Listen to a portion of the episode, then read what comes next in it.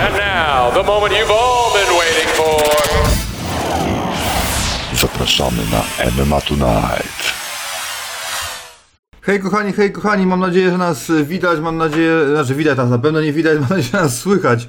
E, to jest MMA Tonight, 255 odcinek podcastu od InTheCage.pl. Ja nazywam się oczywiście Olgiewicz Mariusz, a ze mną jest Michał Malinowski. Dzień dobry, witam. Tak jest. Napiszcie, czy to już widzę, że sporo osób na czacie zebrało, 28, nie, 16 osób, nie wiem, coś mi tutaj skacze. E, Pi 18 o, rośnie dobrze, wszystko pod kontrolą. Piszcie, czy słychać. Myślę, że słychać. Jeżeli słyszeliście intro, to i powinniście słyszeć mnie. Z tego co sprawdzam, wszystko jest ok, także powinno być git. A, witamy jeszcze raz wszystkich na czacie. Dzisiaj QA w stylu oldschoolowym, czyli będziemy odpowiadali na pytania, które zostawiliście w komentarzach na społeczności na naszym kanale na YouTube. Witamy oczywiście wszystkich na czacie. Że sporo Was się osób yy, yy, zebrało. Patrzę jeszcze tutaj. No to w takim razie, nim przejdziemy może do tych pytań, to na szybko na te kilka odpowiemy, które się pojawiły na czacie. Yy, jak Michał wspominasz. o kurde. Tu jest napisane Hajdarego i czy, czy ktoś jeszcze się od nich wybije? Wiesz o co chodzi? Bo ja chyba nie rozumiem. No właśnie nie. No to, to nie wiem. Jakbyśmy typowali Miocic Gun. Miocic Gun? Ja Miocicza, ale to nawet przed tą walką z Francisem też to typowałbym Miocicza. No tak. Bo jak wszyscy wiemy, kalkulatorom mówimy... Stanowcze nie. Dokładnie tak. Czy pobyt Niedzielskiego i Rębeckiego w amerykańskim M Matadores to ostatnia prosta do UFC? Yy, no ja mam nadzieję, że tak, ale... No, chyba wszyscy mamy nadzieję. No, z Chińczykiem wydaje mi się, że coś się ruszyło. No nic nie słyszałem, ale no, wydaje mi się, że to się nie wzięło znikąd tak po prostu ten wyjazd. Wydaje mi się, że coś może się ruszyło. Wiesz, jeśli Klaczek pojechał, zrobił przeciąg i chcieli go, chciał go do swojej organizacji, Chińczyk, który pojedzie, który według mnie jest lepszy od Krzysia Klaczka, pojedzie, zaprezentuje się dobrze, może zaprezentuje to, może ktoś to zauważy i może będzie jakaś e, pomoc, nie wiem, Gamera czy Aśki i tam może jakoś uda. No trzymam kciuki w każdym razie. No na razie zrobili zdjęcie w koszulkach. E, ja tak, tak trochę powątpiewam tych menadżerów, bo wiem, że nie pamiętam dokładnie, który to z panów mówił, ale któryś powiedział to gdzieś kiedyś, nie, chcę, nie wiem gdzie, więc nie będę strzelał, że jakby plan jest taki, żeby zrobić wizę, móc w każdej chwili wskoczyć na zastępstwo i być przygotowanym. No takie niecodzienna praca menadżerska, czy ja rozumiem, że to może być skuteczne, e, no ale jeżeli to jest jedyny plan, to tak średnio bym powiedział chyba. Mam nadzieję, że mają jeszcze jakiś inny dodatkowy, no ale gorąco liczymy, że panowie się tam znajdą. No nie wiem, no jakby zdecydowanie Mateusz jest bliżej niż Piotrek, tutaj nie ma co gadać. E, większa szansa jest na, na Mateusza niż na Piotrka, no ale e, nie jest niemożliwe, że znajdą się tam obaj. No życzę, życzę im tego. E, kolejne pytanko, że Jeremy Stevens zwolniony, warto brać do KSW? To nie słyszałem, że jest zwolniony. No ja też nie, ale nie warto grać. Zdecydowanie nie warto. Znaczy, nie, no. Znaczy na nazwisko fajne, tylko iloma? Po 4-5 porażkach już jest. No nie, tak, wiesz. Bo to kupa kasy, a chyba nie idą za tym aż tak yy, wysokie umiejętności, ale na, a na pewno, jak to się mówi, jest nierentowny dla organizacji, no bo najsław, jest najsławniejszy z tego, że przegrał z Mateuszem Gamrotem w UFC w Polsce. Być może więcej osób go w Polsce kojarzy yy, z tej konferencji, na której Conor go no, obśmiał tak naprawdę. No to może faktycznie trochę więcej osób kojarzy dlatego, niż dlatego, że przegrał z Mateuszem, no ale to jest wszystko. Chyba trochę trochę za mało, chociaż e, no tak jak mówię, chyba trochę za mało, a on, on na pewno nie będzie walczył za 20 e, tysięcy ani 30 tysięcy złotych, także także raczej, raczej na nie jestem. Mm. Sebastian Kimczu, kurde, grypa mnie rozłożyła, czy możemy się pomodlić za twoje zdrowie? No pomodlimy się, ale może poza anteną. E, dobra, no dobrze, w takim razie co? Tutaj więcej pytań. E, a, tu jest jeszcze pytanko nawet ciekawe. E, Grzegorz Ekman. Cześć panowie, jestem ciekaw, co myślicie o tym, że 70% zawodników nie ma zielonego pojęcia, co jest punktowane w MMA. E, co myślimy? No, ale to jest prawda, tak. Co myślimy? No ja wiem, że to jest mnie słabe, To po pierwsze, bo kto jak to, zawodnicy powinni rozumieć te zasady, na których sami uczestniczą, tego niestety nie rozumieją. To jest słabe, to się w- totalnie w pełni zgadzam. E, Ale to jest w każdym sporcie, nie tylko w MMA. Ja znam naprawdę ludzi, którzy grają w piłkę na bardzo wysokim poziomie, a raz, że się piłką nie interesują, to dwa, a zasady, które cały czas są zmieniane, w ogóle nie ma czegoś takiego. Nic dalej są przy tym, co było 10 lat temu. Także to chyba jest takie dla, dla każdego sportu. No i Oczos jeszcze prosi, żebym opowiedział o heroicznej walce z COVID-em. Nie, nie była taka heroiczna. Słabsze półtora... Nie, nie miałem takiego lekkiego przeziębienia przez całe życie, no. Tak bym to ujął. Półtora dnia trochę słabsze, maksymalnie 37,3 a od tamtej pory bezobjawowo, także akurat y, wyszło dobrze, no ale to może dlatego, nie wiem, czy dlatego, że mam, y, jestem młody, czy mam, nie wiem, mocny organizm, czy że byłem szczepiony, nie wiem. Nie znam odpowiedzi na to pytanie, ale cieszę się, że tak to prze, tak przeszedłem jak przeszedłem, także tyle w temacie, ale to o tym lepiej chyba nie mówić, bo wiem, że YouTube jest wrażliwy na te tematy, także yy, yy, aha, jest pytanie Malina, czy naprawiłeś Malina swój domofon, żeby nie nawalał tak jak przy ostatniej wizycie w MMA Śląskim Okiem? To nie był domofon.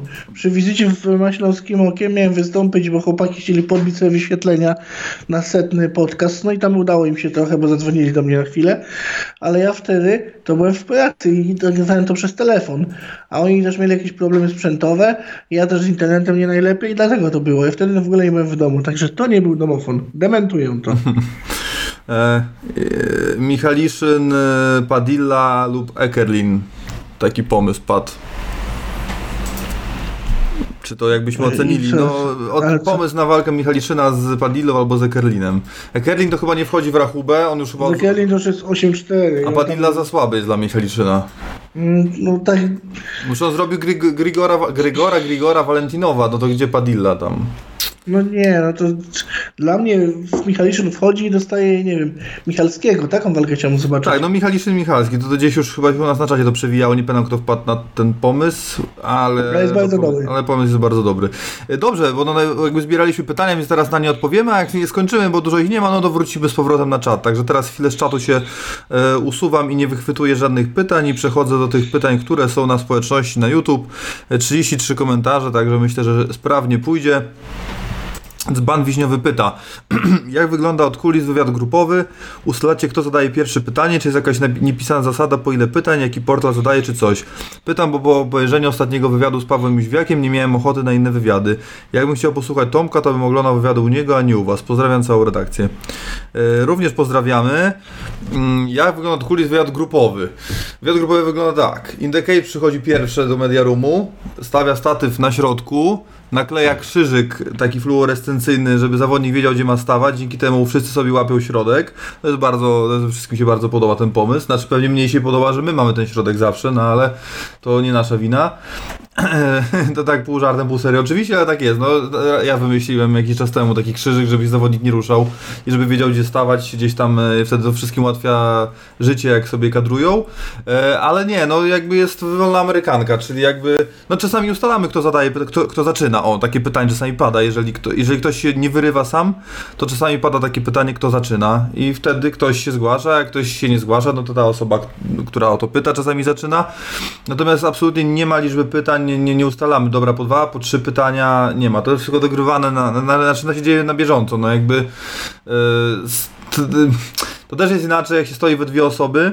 A inaczej w 12. No w 12 raczej, no w 12 może przesada, tak się już nie dzieje raczej, ale powiedzmy 7-8, no to wtedy się jest jakby tak bardziej walka o to pytanie wtedy. No każdy, wiadomo, pierwsze dwa, trzy pytania są oczywiste, więc ktoś je musi zadać, to nie ma, nie ma się, nie trzeba nad niczym zastanawiać. E, natomiast potem, no ale ktoś ci może zabrać pytania, no jak wymyślę dwa, trzy pytania w głowie, ze dwa oczywiste, ze dwa powiedzmy jakieś takie ciekawsze, mniej oczywiste, no ale ktoś ci je zabierze, no to już ich nie zadajesz, no więc w zasadzie osoba, która rozpoczyna wywiad, to szczególnie tych mniejszych galach, gdzie tych pytań y, jest mniej, więcej oczywistych, a mniej ogólnie, no to ta osoba, która zaczyna, jakby nie chcę użyć słowa wygrywa, no bo to tak nie powinno, nie, tak nie działa, ale no to jakby przejmuje i odbiera większości pytania, czasami jeżeli się dobrze wstrzelisz, czy w strzelę, czy ktoś z nas się wstrzeli, no to może przejąć całego skrama i zadać większość pytań, albo wszystkie. Mi się nieraz zdarzało zadać wszystkie pytania. Natomiast ja po dwóch czy po trzech pytaniach jakby patrzę po, e, po innych redaktorach i widzę, czy oni czy jest wola z ich strony zadać jakieś pytanie, czy nie. Natomiast e, raczej kto pierwszy, ten lepszy. No nie raz, nie dwa, po prostu lecę z pytaniami jak przy jedynce. No jeżeli nikt mi nie przerywa, jakby nie, nie, nie, nie wchodzi z pytaniem, wiem, że nie pamiętam kto, chyba Wojtek e, Froncala z MMA Rocks ma taki, ma, miał taki pomysł, bo raz byliśmy we, dwóch, czy we, dwa razy byliśmy we dwóch, chyba tylko na Media Day UKSW, to podnosił rękę w, w moim polu widzenia, tak żebym widział, że on chce zadać pytanie. Myślę, że to spoko pomysł, bez wyrywania sobie pytań, no ale czasami podały takie pomysły, po dwa, trzy pytania od redakcji, ale yy, z rzadka raczej, natomiast yy, tak, no ale wiem o co ci chodzi, ja mam dokładnie to samo, są redaktorzy, z którymi normalnie jestem w stanie rozmawiać poza kamerą i, i super, natomiast nie jestem w stanie słuchać ich pytań yy, na wywiadach, no i jak mam jakąś ulubioną redakcję, czy tam ulubiony portal, no tak akurat nie ma, no bo słucham naszych redaktorów, jak mnie nie ma, jak jestem, to, to nie muszę słuchać, bo wiem o co pytałem.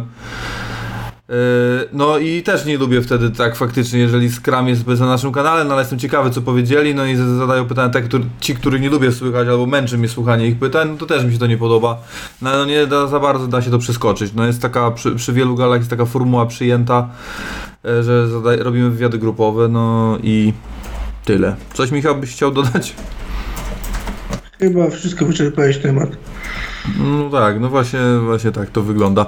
E, no tylko mogę e, tyle dodać, e, no nie chcę tutaj jakby hejtować, no, ale tej osoby już nie ma dawno w środowisku, najgorzej się pracowało z Wojtkiem Mrozowskim między innymi. No to jest ta jedna rzecz, której ludzie nie wiedzą, a ko kochali go, bo przejmował wszystkie skramy, a to tak wcale nie wyglądało, po prostu nie pytał, czy wszyscy są gotowi, tylko ruszał z pytaniami. Tak się działo. Nie mówię, że za każdym razem, no ale wielokrotnie, czasami też miał taki, taki nie wiem, czy to był patent, ale bardzo cicho mówił do swojego mikrofonu i nie i czasami przez to nasze mikrofony nie zbierały jego pytań. Yy, on tak jakby szeptał do ucha, ustawiał się zawsze tak maksymalnie blisko rozmówcy. Bardzo sprytnie, no ale to nie jest, nie uważam tego za koleżeńskie zachowanie, natomiast yy, no do takich osób już chyba nie ma, tak w zasadzie nie ma takich osób, które w ten sposób to robią, czyli startują z pytaniami, nie pytają, czy wszyscy mają włączone. To jest fajne, że zawsze i od paru lat już jest tak, że każdy pyta, czy mamy, czy wszyscy gotowi. Wtedy oznacza, że wszyscy są gotowi, mają włączone sprzęty, mikrofony, lampy i tak dalej, wykadrowane i wtedy zaczynamy. I to jest taka, to mi się bardzo podoba, bo to, to jest fajne, bo to jest jakby, możemy się lubić, nie lubić i tak dalej, ale szanujmy swoją pracę, bo, bo jednak na nią poświęcamy mnóstwo swojego czasu, większość z nas prywatnego, więc Przepraszam. Więc to zdecydowanie szanuję, a nie szanowałem wtedy i, i tyle. No ale problem się sam rozwiązał, zdaje się, także możemy. E, nie ma się czym yy, przejmować. Dobrze, Sebastian. Jak oceniacie pojedynek Klaczka ze Śmiałowskim, Michał? Bardzo dobrze. Świetna walka i myślę, że 50 na 50. Czekałem na to, która duża organizacja zganie Dawida Śmiałowskiego, bo naprawdę warunki fizyczne i ta niesamowita siła ciosu, bo to jest gość, który jest w stanie zakautować w Polsce absolutnie każdego. Petarda w ręku. Oczywiście yy, no tam wiadomo, stójka jest świetna, zapasy wyglądają gorzej, natomiast on może dostać przeleżany, przeleżany, przeleżany, a potrafi mieć, nie wiem, minutę czy 30 sekund i potrafi zakautować każdego, więc to jest ultra niebezpieczny zawodnik przez każde 15 minut, przez każdą minutę pojedynku, więc świetny angaż. No Krzysiek Klaczek, ja na przykład bardzo lubię Krzyśka Klaczka, yy, doceniam mega jego talent, wiele osób twierdzi, że Klaczek to, to jest napompowany balon, że dwie porażki w KSW, no tak, tylko że ta jedna porażka z Wrzoskiem, kiedy wziął walkę na krótko przed yy, samą galą, a dwa, ta walka z Barbarikiem to naprawdę była świetna, bo zarówno jeden i drugi miał swoje momenty i walkę dali wtedy wydaje mi się najlepszą na gali, więc Krzysiek Klaszek jest dla mnie zawodnikiem naprawdę świetnym, fajny angaż, super, ja delikatnie faworyzuję właśnie Krzyśka 51-49. To jest naprawdę bardzo dobry, wysokiej klasy grappler, który ma mocne zapasy. Strójkowo także tam nie ma, nie wiem, biedy jakiejś, bo on z Wrzoskiem przecież toczył walkę y, w stójce i Wrzosek go nie mógł skończyć w tej stójce, więc naprawdę to jest gość, który ma twardą głowę, który ma czym przyłożyć. No i też drugi fakt, że Śmiałowski nie walczył jeszcze z zawodnikiem klasy Klaczka, a Klaczek walczył z lepszymi niż Śmiałowski. I to jest naprawdę bardzo ważne, bo dla Krzyśka będzie to kolejna walka, a dla Śmiałowskiego będzie to walka życia. No, Dawid Śmiałowski już nam się pokazywał z bardzo dobrej strony, natomiast cały czas mam takie wrażenie, że Krzysiek Klaczek zawsze ma podgórkę. I albo jest jakaś kontuzja, albo jest walka z krótkim wyprzedzeniem. Yy, I zawsze, nie, nie, jakby nie, nie, do końca zawsze jest w pełni. Chyba z Barborikiem w tym wywiadzie ze mną powiedział o tym, że tam wszystko ugrało e, przed tą walką, no ale po prostu Barborik pokazał się z lepszej strony, ale nie pamiętam, natomiast on zawsze gdzieś tam jakiś jest. Nie, nie jest to idealny, perfekcyjny czas, moment i tak dalej. Coś zawsze jest pod górkę. Teraz mi się wydaje, że właśnie wszystko jest y, z górki, y, plus ten American Top Team, no jak on o tym American Top Team mówił, o, tym, o tej ofercie od Eagle FC i tak dalej, no to czuć naprawdę było tam, że jest naładowany, nabuzowany, nakręcony bardzo, także fajnie, zresztą ktoś nawet zauważył w komentarzach pod wywiadem, E, że jest na, na, na, nakręcony i, i tak jest faktycznie. Jeszcze bardziej odczuwa na miejscu, e, czy face to face. E, także tak, no bo jednak mega, no nie, już nie mam nic do dodania, no jakby świetne zestawienie. Ono było pierwotnie planowane na tą styczniową, ale w sumie to się cieszę, znaczy cieszę, no tak, no w sumie się cieszę, że, że wzbogaci tą kartę kolejną i zobaczymy naprawdę świetne e, widowisko. Ja tylko jestem ciekaw, czy już odzyskał duszę po tej walce z Filipem Bochutem na Wieczorze Wojowników, mm -hmm. bo ta walka zabrała Krzyśkowi naprawdę bardzo dużo, jak wiemy. Jestem ciekaw, czy już doszedł do siebie Krzysiek. Tutaj piszą a propos Michaliszyna, e, że podano w Octagon Live chyba podano faktycznie, że będzie zawodnik z zagranicy. Stąd ten pomysł na Padille i Kerlina. A jak podali to? Znaczy nie, no Igor Michaliszyn... Czy, Igor, czy będziesz walczył z zawodnikiem z zagranicy? Czy będzie to zawodnik czarnoskóry? Dokładnie. To takie do No niestety, yy, niestety, nie w ten sposób. Szkoda. E, no, musiałem mi to przypomnieć, że jeszcze się nie otrząsnąłem od 14. E, no to może Surdu, bo to jest taki pomysł. Jurisic i Surdu wpadło, ale Jurisic to na pewno nie, bo w Blatorze, ale Surdu chyba jeszcze za wcześnie, chyba jeszcze czas kontuzję leczy. E, Czy jesteś Stójkowiczem? Czy ostatnio znakautowałeś high kickiem? Mm, no to jeszcze, a nie, no nie wierzę, że, żeby, że, nie, może ktoś nowy w ogóle. E, no bo nie mam nadziei, że nie Rakas żaden. No nie, no nie, no to ci... Ja bym to poprzeczkę stawił wysoko. No, Michaliczny naprawdę jest świetnym zawodnikiem, też niedocenianym, to nie jest głośne nazwisko i przez to on też cierpi, ale klasa sportowa jest naprawdę bardzo wysoka i ja bym od razu rzucił go yy, na głęboką wodę, bo to nie ma co rozbijać się jakimiś rakasami czy innymi tam bażantami, ani takimi innymi. W ogóle swoich z ogórkami odstawmy, jeśli chodzi o Michaliczyna i idźmy mocno z jakiegoś konkretnego rywala, bo on, ten chłopak na to bardzo zasługuje i według mnie to jest gość, który może naprawdę znacząco wzmocnić e, kategorię i nawet bić się za chwilę o pas, bo ma ku temu umiejętności. Mm.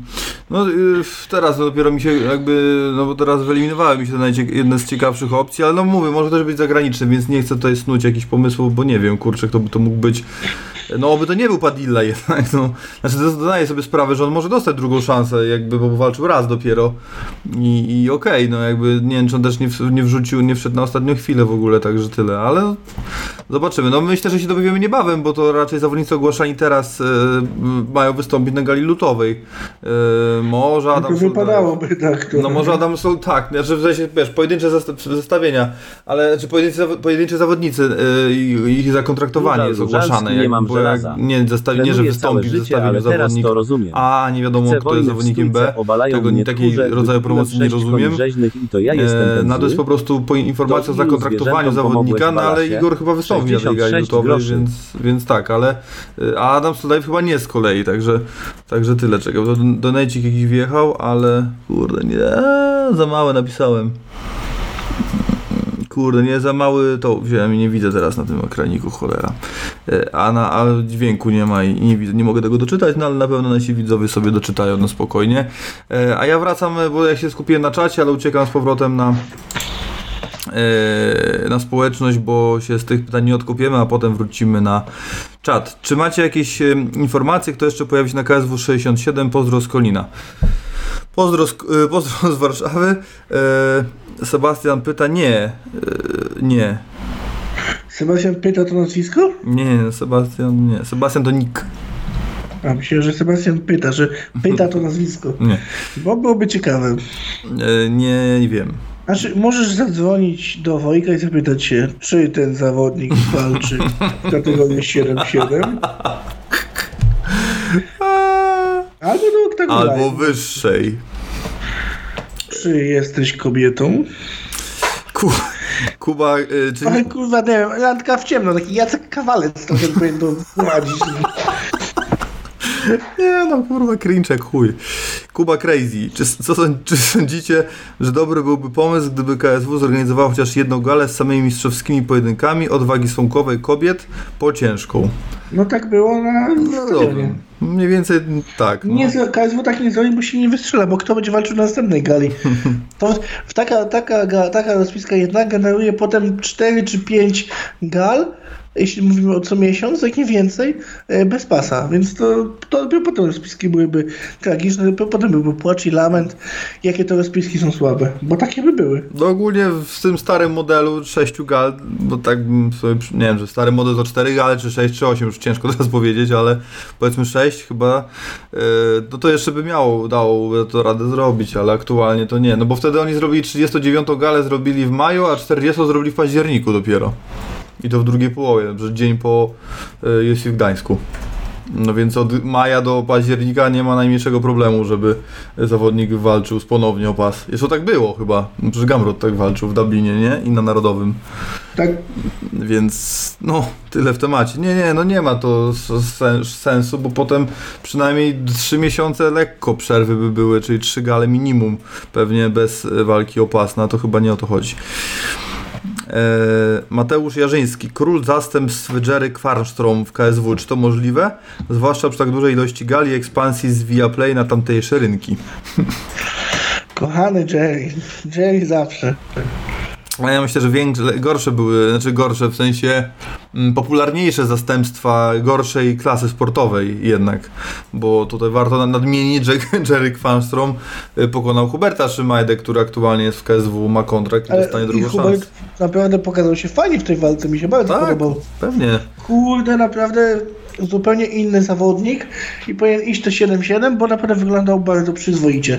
I mimo, że wziął walkę naprawdę z krótkim odstępem czasowym, z naciskiem na krótkim, to zaprezentował się dużo lepiej niż w debiucie i naprawdę świetnie, naprawdę świetnie, świetnie i według mnie zasłużył na jeszcze jedną szansę, mimo wszystko.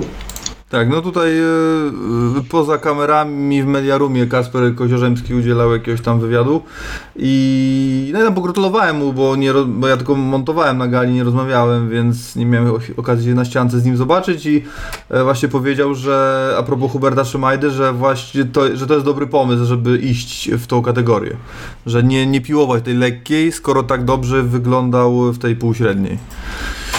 Także myślę, że to może być faktycznie jakaś, e, jakaś opcja i jakiś pomysł. Można spróbować, no po prostu i tyle. I, i dowiedzieć się już pe- po pełnym obozie przygotowawczym, czy, czy to ma rację bytu, bo może ma, no kurczę. No wiadomo, co to jest zawodnicy z 7-7, że nie widzę go za bardzo. Choćby taki Roberto e, w 7-7, czy no już tam Drikusa nie ma, no ale nie wiem, e, Dawid Zawada, czy Mm, no są duzi zawodnicy w 7-7 niektórzy naprawdę i dlatego tak to tego nie widzę. Może tu akurat e, tak to wyglądało, ale nie, nie musi wyglądać tak zawsze dobrze. No zobaczymy. Myślę, że na pewno toczy w lekki, a co dalej e, czas pokaże, ale tak, no zdecydowanie lepszy występ Huberta Szymajdy od wielu gal. E, Krystian Lisiecki, kto może być następnym rywalem zabi zabita Magomed Szaripowa? I tak szczerze to przejrzałem, znaczy poświęciłem chwilę czasu na to pytanie e, przed e, podcastem i e, w zasadzie to może być każdy z top 5, kto nie ma walki, a tam większość nie ma walki. Może Katar, ostatnio jest po wygranej takiej fajnej, Tak, tylko chyba właśnie ostatnią walkę zabit, zabit właśnie wygrał z Katarem na punkty, zdaje się. a tak, tak, tak, tak. w masz rację. 2019 roku chyba. Tak, w ogóle, tak. w którymś. Ale no, podob, ja, nie wiem, ja sprawdzałem jeszcze newsa ostatniego u nas na stronie, no to w, w zeszłym roku, nie pamiętam, chyba w październiku, e, była informacja, że wraca, ale on, że jego menadżer napisał, że wraca, ale on, że jeszcze tak jakby nie było takiego ostatecznego, definitywnego, że tak już bo jakby w, po, w zeszłym roku o tym powiedział, to żebyśmy na pewno wiedzieli o jakiejś jego walce. No co oznacza, że pewnie jeszcze są jakieś turbulencje, no ale z Luknomem w ranking i zdaje się, że w piątce a on miał walczyć z Panterą, yy, że w piątce nie ma prawie nikt walki chyba, więc tak naprawdę to mógł być każdy. Yy, każdy. No, Max Holloway, no czy każdy poza mistrzem. No. Wiesz co, ja ci przerwę tylko yy, odnośnie czatu, bo czytam teraz czat tak, daj się spokój z obrażaniem konkurencji, przede wszystkim tutaj jechaniu po Jarku, bo to nie jest miejsce na to, żeby tutaj yy, wyzywać. Także Co? apeluję o spokój. No, bo tutaj jadą może Jarek i Różal i tam coś w ogóle o, o Jarku tam jadą. Ale przecież my, aha, że, aha, ty mówisz, żeby przestali obrażać. Tak, tak, Okej. bo tam na czacie jakieś już się zaczyna jakieś gówno burze. No to by ten, zaraz tutaj będziemy yy, banować, jak tak dalej pójdzie. Marta na posterunku jest, także uważajcie. Wjeżdżam. Wjeżdża już, no także to miło do zobaczenia kiedyś. E, wracamy. W takim razie, czy 12 gal KSW podcina skrzydła małym galą, na przykład nakładanie się terminów? No już się ostatnio przekonaliśmy, jak armia teraz zrobi galę. Właśnie, ja, się, ja- właśnie w trakcie tego, w trakcie tego podcastu sobie uświadomiłem, że no, nie jak to nazwać, no trochę przymusowo w pewnym sensie będąc na armii, zorientowałem się, że nie będę miał KSW jak obejrzeć. Pierwszy raz w życiu od, o, od KSW w 11, 10 będę tak, no, swo- zresztą jak biorąc pod uwagę to jak się w Mediarumie ogląda galę, to myślę, że będzie bardzo podobnie, tylko nie wiem, drugi laptop, na drugim laptopie sobie odpalę jakoś to będzie, ale faktycznie się zorientowałem, że, e, że będę na armii tym razem e, i, i no i tak się na to zastanawiałem, ale to już, to już pomijając to, y, no podcina skrzydła to brzmi tak jakby to robili celowo, a tak nie jest. Po prostu, oni się rozwijają, a rynek jest jaki jest, no i ci mniejsi muszą z tym liczyć i ja osobiście uważam, że to jest błąd armii bardzo duży. Bo jak ja bym był sponsorem, ja nie chcę tutaj jakby robić, no ale tak jest, no to mówię jak uważam, no po prostu. Jesteśmy, mamy patrona nad armią, wspieramy ich, robią bardzo dobrą robotę i są bardzo potrzebni przede wszystkim.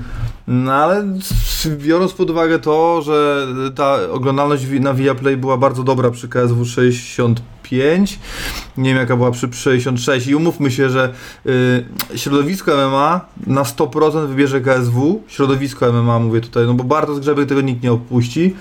E, środowisko fanów MMA całkowicie w 99% tylko rodziny i, i najbliżsi zawodników z karty armii obejrzą armię, a 99% fanów MMA obejrzy e, KSW i teraz e, cała nadzieja jest tylko w tych niedzielnych fanach, którzy przypadkowo włączą e, TVP Sport albo z jakichś dziwnych przyczyn nie będą, będą wolą obejrzeć armię za darmo niż wykupić Viaplay i obejrzeć KSW, e, no to e, w, w, myślę, że paru sponsorów mogłoby być niezadowolonych z pokrywania się tych terminów, no bo ekspozycja ich logotypu będzie dużo, dużo mniejsza. E, ale to nie, to nie chodzi mi o sponsorów armii, no bo oni to już są dogadani od dawna, e, ale chodzi mi o sponsorów dla zawodników. Ci odchętny i nieodchętny, którzy będą chcieli się na gali zasponsorować, no to przecież doskonale wiedzą, że no, to tak będzie najniższa oglądalność w historii, natomiast no plus jest taki, że Armia jest na YouTubie TVP Sport, cała gala chyba leci na żywo i w zasadzie jak ona się kończy, to można ją obejrzeć od nowa. No i wszyscy, którzy wybiorą KSW, to po prostu to zrobią, więc ta, ten licznik, ta oglądalność wyświetleń e, tego, tej gali armii może być tak naprawdę nie, całkiem wysoka. No tylko na razie jeszcze brakuje magnesów, bo nazwisk bardzo mało, ale no pewnie niebawem ogłoszą. E, No i tutaj, no bo tutaj się termin nałożył i to jest faktycznie problem, natomiast e, no, też nie są w Polsacie, więc już nie muszą się w ogóle liczyć z Fenem i z Babilonem, ale e, uważam, że no, organizatorzy, organizatorzy Babilonu i Fenu będą się dogadywali z KSW na te terminy, znaczy mm, będą się dostosowywali bardziej pod terminy KSW, no nie przy 12 galach przy 7-8 fenach, czy nawet 6 i 12 galach KSW, 4 armiach, 8-9 Babilonach, no nie ma możliwości, żeby to się nie pokrywało, więc ja uważam, że najlepiej po prostu ten jeden dzień przesunąć. To jest, jest kosmiczna różnica, a nie, niewielki problem dla organizacji, a znaczy pod względem czasu antenowego pewnie, tak, bo to o to chodzi, ale nieduża zmiana dla organizatora, a olbrzymia zmiana, jeżeli chodzi o wyniki oglądalności. Także no pięknie byłoby taki aperitif mieć. Już tak mieliśmy ostatnio w Warszawie, e, armia była przed przed KSW i dla mnie to jest zajebista opcja, no ale, no ale widocznie telewizja rządzi się swoimi prawami i nie mogą dać, dać im tego piątku, a powinni, powinni to zrobić, no bo to jest strata dla, dla, tak naprawdę dla wszystkich, no bo nawet te, nie wiem, tysiąc osób, które jednak wybierze armię, bo ich znajomi się biją, nie obejrzy KSW, no i, i tyle, no nie wiem, no nie, nie, nie widzę tu wygranych za bardzo w tej sytuacji, także ja za wszelką cenę bym na w przyszłości robił co się da, ja wiem, że armia miała pierwszy termin, zdaje się, przede wszystkim pierwszy opublikowany, ogłoszony, no ale no to no, no niestety, no nie, no nie będzie KSW grał pod armię, to się nigdy nie wydarzy, więc no raczej powinno być odwrotnie. Michał? No tak, no w pełni się tą zgadzam, no w 100% masz rację. Yy, też nie powinno tak być. Wiadomo, że zapewne chodzi o telewizję, chodzi o to, że telewizja da taki, a nie inny termin, tylko powinni też wziąć pod uwagę właśnie to, że w tym, tym czasie jest KSW i ta oglądalność będzie znikoma. Szkoda armii, no tyle powiem, bo zawsze szkoda, jak te dwie gale są tego samego dnia. Wiadomo, że wszyscy wybiorą niestety to KSW. No i tyle, no. no jedna redakcja pojedzie pewnie tylko na, na armię. No będziemy, będziemy i to w nie takim najgorszym składzie, ja, ja Asia Kamil, także, także będziemy, ale no tak jak mówię, no dla nas yy, yy, no totalnie przez, też jakby bardzo nam to przeszkadza, no ale jakoś zrobimy to, no mamy kim na szczęście, dobrze się jakoś tam w miarę ułożyło, no ale to nie jest też komfortowa sytuacja dla mediów i też organizatorzy też się powinni z tym liczyć, no ci mniejsi w tym wypadku, no bo no nie mają, nie mają jak wygrać, no jest mnóstwo redakcji jedno-dwuosobowych, które no nie, no ale ja ich rozumiem też. Jakbyśmy my byli dwuosobową, czy trzyosobową redakcją, czy czteroosobową redakcją, czy jakby na, mówię oczywiście o osobach, o reporterach, to też yy, byśmy wybrali KSW i jakbyśmy musieli wybierać. Nigdy takiej e, walki nie wygra żadna organizacja w Polsce, Polska, w Polsce z KSW i tyle, no. Tutaj tylko sytuację mogłoby ewentualnie UFC odmienić, ale to, to tylko wtedy i też nie dla wszystkich pewnie, no bo umówmy się, że to Mm, KSW dalej jest y, w Polsce jest numerem jeden i to się nie zmieni pewnie nigdy. E, jakich polskich prospektów byście zobaczyli w KSW? Nadal jest sporo zawodników, których Wojsław jakby nie widział. Rusiński, Jusis, Gralak, Dubiela, Rybak czy Szczepaniak? Henryk Larsson pyta. E, jak no, z tych co wymieniłeś, Mm, nie pamiętam jakiej kategorii jest Gralak, ale jeżeli jest w 6-6... 7-0. 7-0? Tak. No to nie wiem, no to chyba jeszcze nie, ale kurczę, u, u Rusińskiego to, znaczy ja to jego ostatnią walkę pamiętam, no to tam jednak trochę tych problemów tlenowych jeszcze było. Ja myślę, że dużo łatwiej by było po zdobyciu pasu, pasa Babilonu trafić do, e, trafić do KSW, bo już taka historia miała miejsce. Rybak, na pewno warto na niego zwrócić uwagę, o ile się nie mylę, to jest kategoria 8-4, która no nie najlepiej wygląda. Tylko, że ty wymieniasz za wielu zawodników z Babilonu i tak ostatnio rozmawialiśmy, czy przypadkiem właśnie te 12 gal to nie jest kwestia pocinania skrzydeł, skrzydeł, tylko czy zaraz się nie okaże, przez 12 gal KSW takie organizacje jak Armia, Babilon, czy może nawet FEN zostaną, e, że tak powiem, wytrzepani z najlepszych nazwisk i no umówmy się, to takie karty jak ta jutrzejsza Babilonu będziemy oglądali częściej. Ja bym wolał oglądać takie rzadziej, bo tam e, trzecia walka od góry i chyba są zawodnicy z ujemnym rekordem. Mm, no nie, no main event ratuje tą galę, umówmy się i tutaj jakby Michał Pasternak ją ratuje ale, ale wracam, tak, no to już inna, inny temat. Natomiast wracam do Twojego pytania, na pewno warto zwrócić uwagę na większość zawodników, których wymieniłeś. Szczególnie ja bym zwrócił uwagę na Rybaka, bo jest w kategorii 8-4, jak dobrze pamiętam, i Oskara Szczepaniaka. Tam jest taki problem, że Oskar Szczepaniak nie ma, jest zdrowy, a nie ma propozycji walki. Trochę tego nie rozumiem, on się bardzo dobrze pokazał ostatnio. Na tych na, tych na pewno bym zwrócił uwagę. No, biorąc pod uwagę, że Liku z Wieczorkiem, czyli debiutanci byli, no to i czy Revera, czy Szamat, no to z każdego się możemy w KSW spodziewać, e, ale pewnie nie w każdej kategorii wagowej. No ale tak, Rybak, Szczepaniak to są te dwa nazwiska, które na pewno bym zwrócił uwagę już teraz. Michał? Hmm. No, znaczy mówimy tutaj o angażu do KSW? Tak, tak, tak, tak. Kogo byśmy, czy nie, pytanie jest jakich polskich prospektów byśmy zobaczyli w KSW, o. Znaczy ja nie wiem, czy w KSW ogólnie tak, żeby zwrócić uwagę, e, no to kilku zawodników jest niekoniecznie, nie chciałbym zobaczyć w ich KSW, bo chciałbym, żeby ci zawodnicy rozwijali się w innych organizacjach, ale też e, myślę, że ich limit nie jest, jest zdecydowanie wyżej niż KSW. I mam tutaj na myśli e, bohatera, jednego z bohaterów ostatniej gali Fan, czyli Wojtka Kawę i Karola Kraskę, bo naprawdę dali świetne walki, uratowali tą galę według mnie. To były dwie najjaśniejsze punkty tej gali i właśnie tych dwóch chłopaków tutaj bardzo oczy fanów powinni być rzucone wokół nich, bo, bo naprawdę robią robotę i rozwijają się naprawdę bardzo szybko, w świetnym tempie. No i wygląda to, w tej walki wyglądają naprawdę wspaniale i aż miło oglądać. Przede wszystkim Wojtka Kawę, bo ten chłopak robi naprawdę progres, nie wygląda jakby to była trzecia czy czwarta walka w jego karierze, a dwudziesta. Także wielkie brawa dla obu i ja tutaj te dwa nazwiska tak dodałbym do twojej listy. Niekoniecznie w KSW oczywiście, bo to są zawodnicy Fenu i pewnie długo jeszcze będą zawodnikami Fenu, ale po prostu, żeby po prostu fani się bardziej zainteresowali tymi, tymi zawodnikami. Hmm.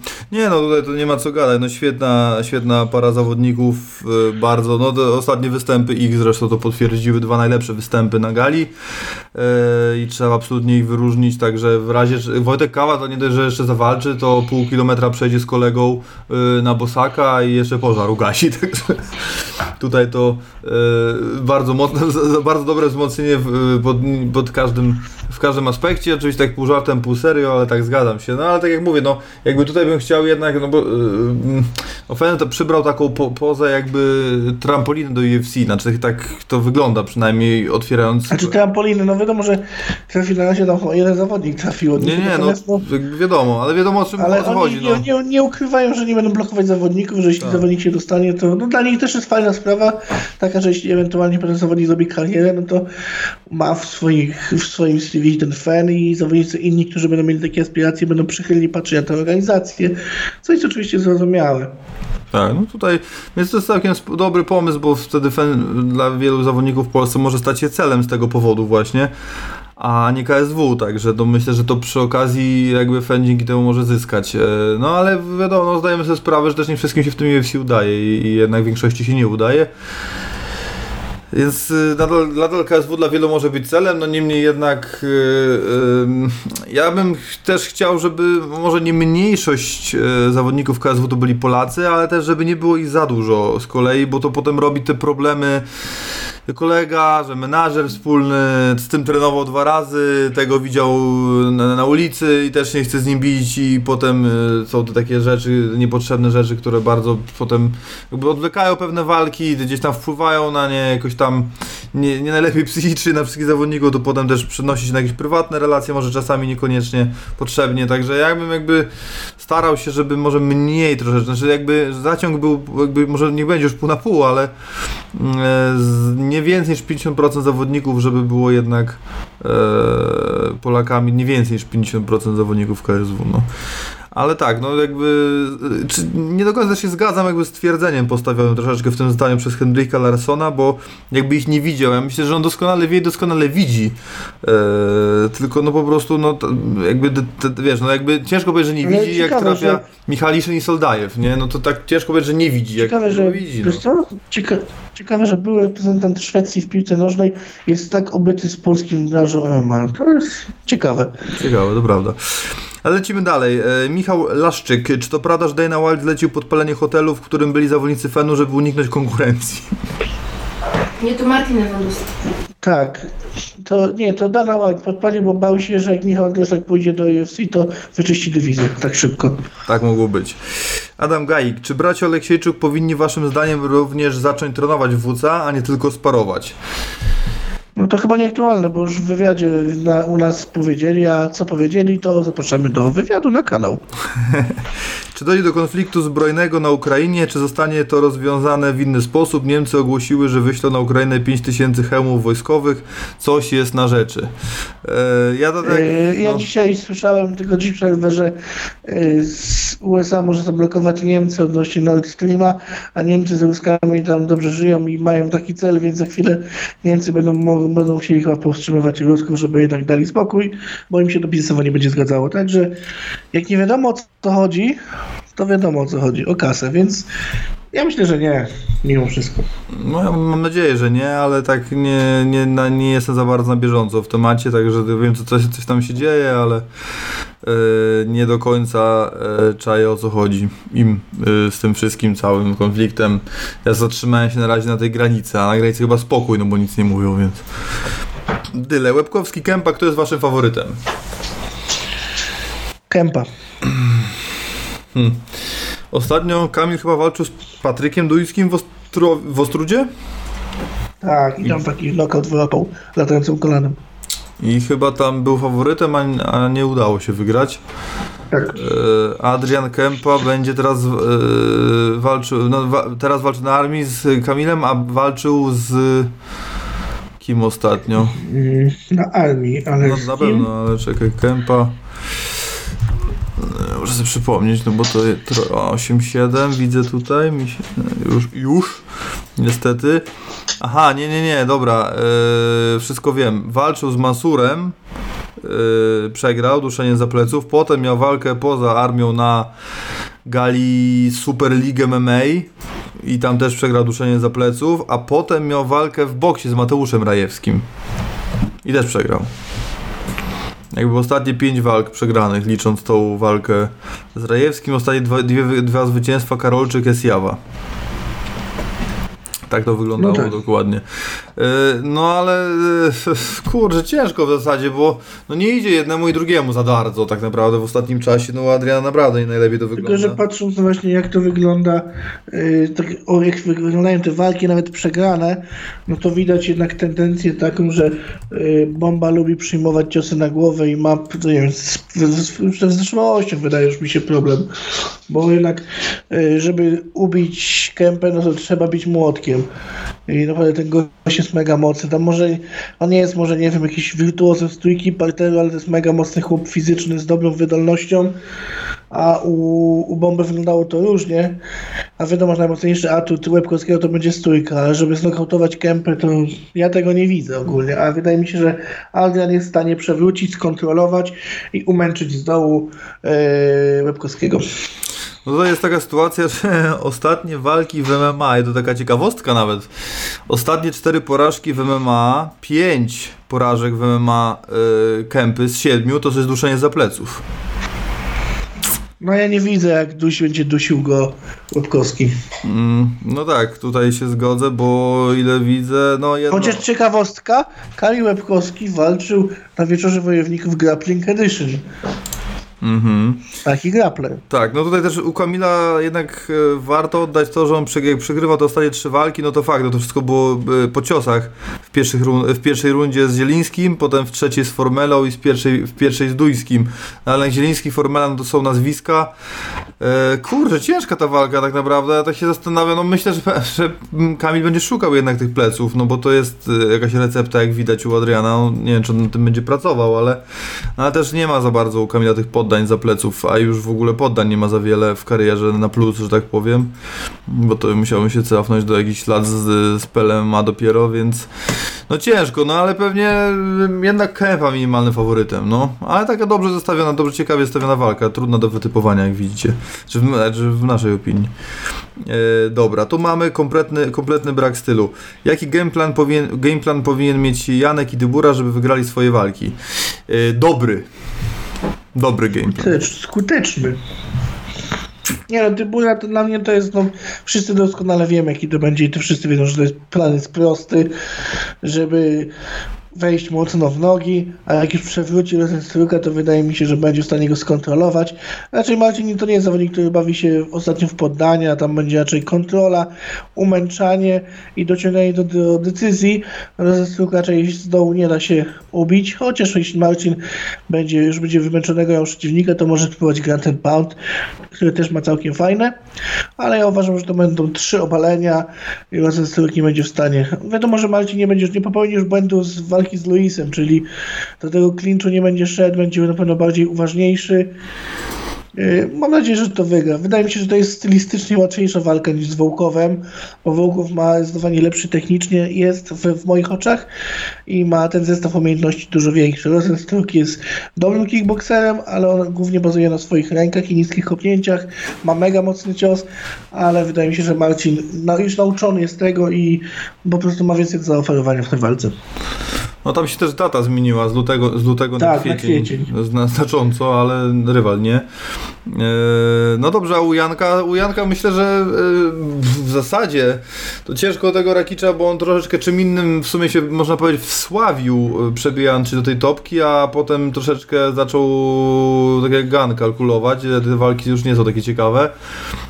No ale Prawdopodobnie najlepiej chyba jednak nie wchodzić w ten e, e, półdystans z nim, znaczy mam na myśli nie wymieniać ciosów z nim w, e, i jakby no na pewno nie da się na odejściu całkowicie skąd, na kontrze tego robić, myślę, że sumie to nie będzie takie super proste, więc nie wiem czy nie będzie najłatwiej e, szukać parteru w ogóle z Rakiczem. Tak, no. ja też tak uważam, bo pamiętam walkę Rakicza z Wolkanem, no to Wolkan chyba z tego co, jak do, no, może się mylę, to mnie tutaj e, popraw, ale Wolkan chyba kontrolował w parterze yy, Rakicza. No tam, e, czekaj, czekaj, muszę sobie przypomnieć, że nie popieprzył e, rywali, tak. E, no tam było, nie, tam w ogóle było, no tak, był taki moment chyba, ale tam było bardzo dużo klinczu pod siatką. Tak, to, to tak, w no ogóle jest druga sprawa, Ja wiadomo, że... że to jest inny zawodnik w tej chwili, Rakicz on zrobił duży progres, ale ja myślę, że, że po prostu ogarnie go, że go właśnie zapaśniczo ogarnie, bo Janek, mimo że ostatnio przegrał przez to duszenie za pleców i wyglądał marnie, no to, to, jest, to jest czarny pas, to jest mocny grappler i on potrafi skontrolować, potrafi obalić i mam nadzieję, że w tej walce to udowodni. Ja tutaj, tutaj dużo osób, no bo wiadomo, on ma ciężkie ręce i potrafił, yy, potrafi machnąć, natomiast w ogólnym rozrachunku on w... Tylko dwie walki wygrał przed czasem yy, w UFC. To był David Clark, ten spinning back fist yy, i high kick na Jimmy Manule. No ale to powiedzmy, że... Yy, No dobrze, no, to zobacz, to weźmy teraz drugą stronę, kogo Janek nokautował. mm, Corey Andersona i nokautował też Luka Rockholda, Luka, no Holder Rockhold ma szczękę taką jaką ma, więc tutaj Dominika to, Reyesa. wiesz, ale mówię tak, o Rejesie przede wszystkim, więc No, no nie, no tutaj, ale tak jak mówię, wy, znaczy gra z kontry chyba nie będzie, nie jest najlepszą, najlepszym rozwiązaniem. znaczy wydaje mi się, że stójka, nie, ale stójkowo, zobacz, że Janek stójkowo ograł Adesanie, który stójkowo jest naprawdę świetny i wybitny, więc wydaje mi się, że nawet jeśli będzie stójka, to Janek jest w stanie ograć go, bo mimo, że walki fizyczne będą po stronie e, Rakicza, no to Janek technicznie i jest dla mnie klasę wyżej. To jest naprawdę mocny striker z świetną, ale to świetną obroną. Janka jest ciężko trafić. Janek jest w stanie na dystansie 25 minut wypunktować Rakicza także w stójce. Też uważam, że bezpieczniejszy był parter, ale myślę, że na dystansie 25 minut Janek jest w stanie, bo wszyscy mówimy, że Janek, Janek to przegrał pas, Janek przegrał pas, tylko przegrał w parterze, a zapominamy, że w stójce to dalej jest zawodnik, który nie zaliczy jakiegoś, nie wiem, totalnego regresu, który już nie jest tym zawodnikiem sprzed dwóch lat, bo to jest totalna bzdura. Przegrał oczywiście tą ostatnią walkę, wyglądał fatalnie, ale pół roku wcześniej ograł w stójce kapitalnego, promowanego przez wielu, uważanego za jednego z najlepszych już w tej chwili zawodników 8-4 w historii, Adesanie, więc pamiętajmy też o tym, że Janek Stójkowo to jest naprawdę kawał kickboxera. No tutaj wiadomo, jedna rzecz jest też ważna, bo tak naprawdę w moich oczach Rakic nie przegrał walki yy, w UFC. To ja bym mu dał zwycięstwo z Ozdemirem jednak. Yy, To jest raz. Dwa, że no, nikt go nie położył na deski jednak w całej karierze. To jest dwa. Janek jednak przed czasem przegrywał, ale też musimy pamiętać a propos tego parteru, bo teraz ludzie pomyślą, Jezu, jak to Janek ma iść w parter? Właśnie przecież w parterze ostatnio przegrał. No ale to gdzie Glovera parter, a gdzie Rakicza parter? No przecież to w ogóle nie ta liga jest, także no tutaj to, to, to ale no wiesz, jakby dużo, to, to, to, tam trzeba było, jakby u Glovera był w zasadzie główny jeden gameplan, znaczy za wszelką cenę unikać parteru, trzymać dystans. No i tam był aż tak unikanie parteru, że Janek zapominał też trzymać rąk wysoko i tam w stójce też dostało, co było, wiesz, no, ja myślę, że w, inaczej, ja myślę, że w walce z Rakiczem to Rakic nie będzie tym, który będzie szedł po nogi, o.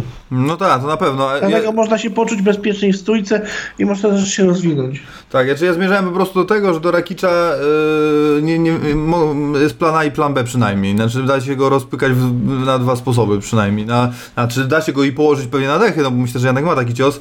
Yy, myślę, że da się go skontrolować w parterze, można nawet poddać, a i da się go tym bardziej wypunktować, więc jakby każda droga jest, każda droga jest e, możliwa, realna i w zasięgu Janka, no pytanie jaką wybierze, no ale nie, ja jakby nie, nie szedłem w tą stójkę, no, bo po prostu jednak Rakic może nie jest jakimś tak me- mega szybkim zawodnikiem, jakimś takim zwrotnym, ale y, bardzo ma ciężkie te ręce i może niekoniecznie lepiej się na nie narażać, szczególnie, że lżejsi zawodnicy, y, bo Santos jednak lżejszym zawodnikiem jest, radzili sobie, y, da, byli w stanie Janka skontrować, no wiemy, pamiętamy okoliczności, nieważne, za dużo czasu też nie ma co to poświęcać, no ale no jestem dobrej myśli, ale to będzie ciężka walka, no. Taka, generalnie nie pamiętam, czy ona jest, y, nie no to będzie main event chyba tej gali numerowanej, chociaż tam y, nie wiem, czy tam jakieś turbulencje z przesuwaniem gal nie są znów y, spowodowane, bo Marcin był na Fight Nightie, przesunęli go na numerowaną, a jak się przesuwają z Fight Nighta na numerowaną i z powrotem, to też miejsce na karcie się zmienia, więc żeby się nie okazało, że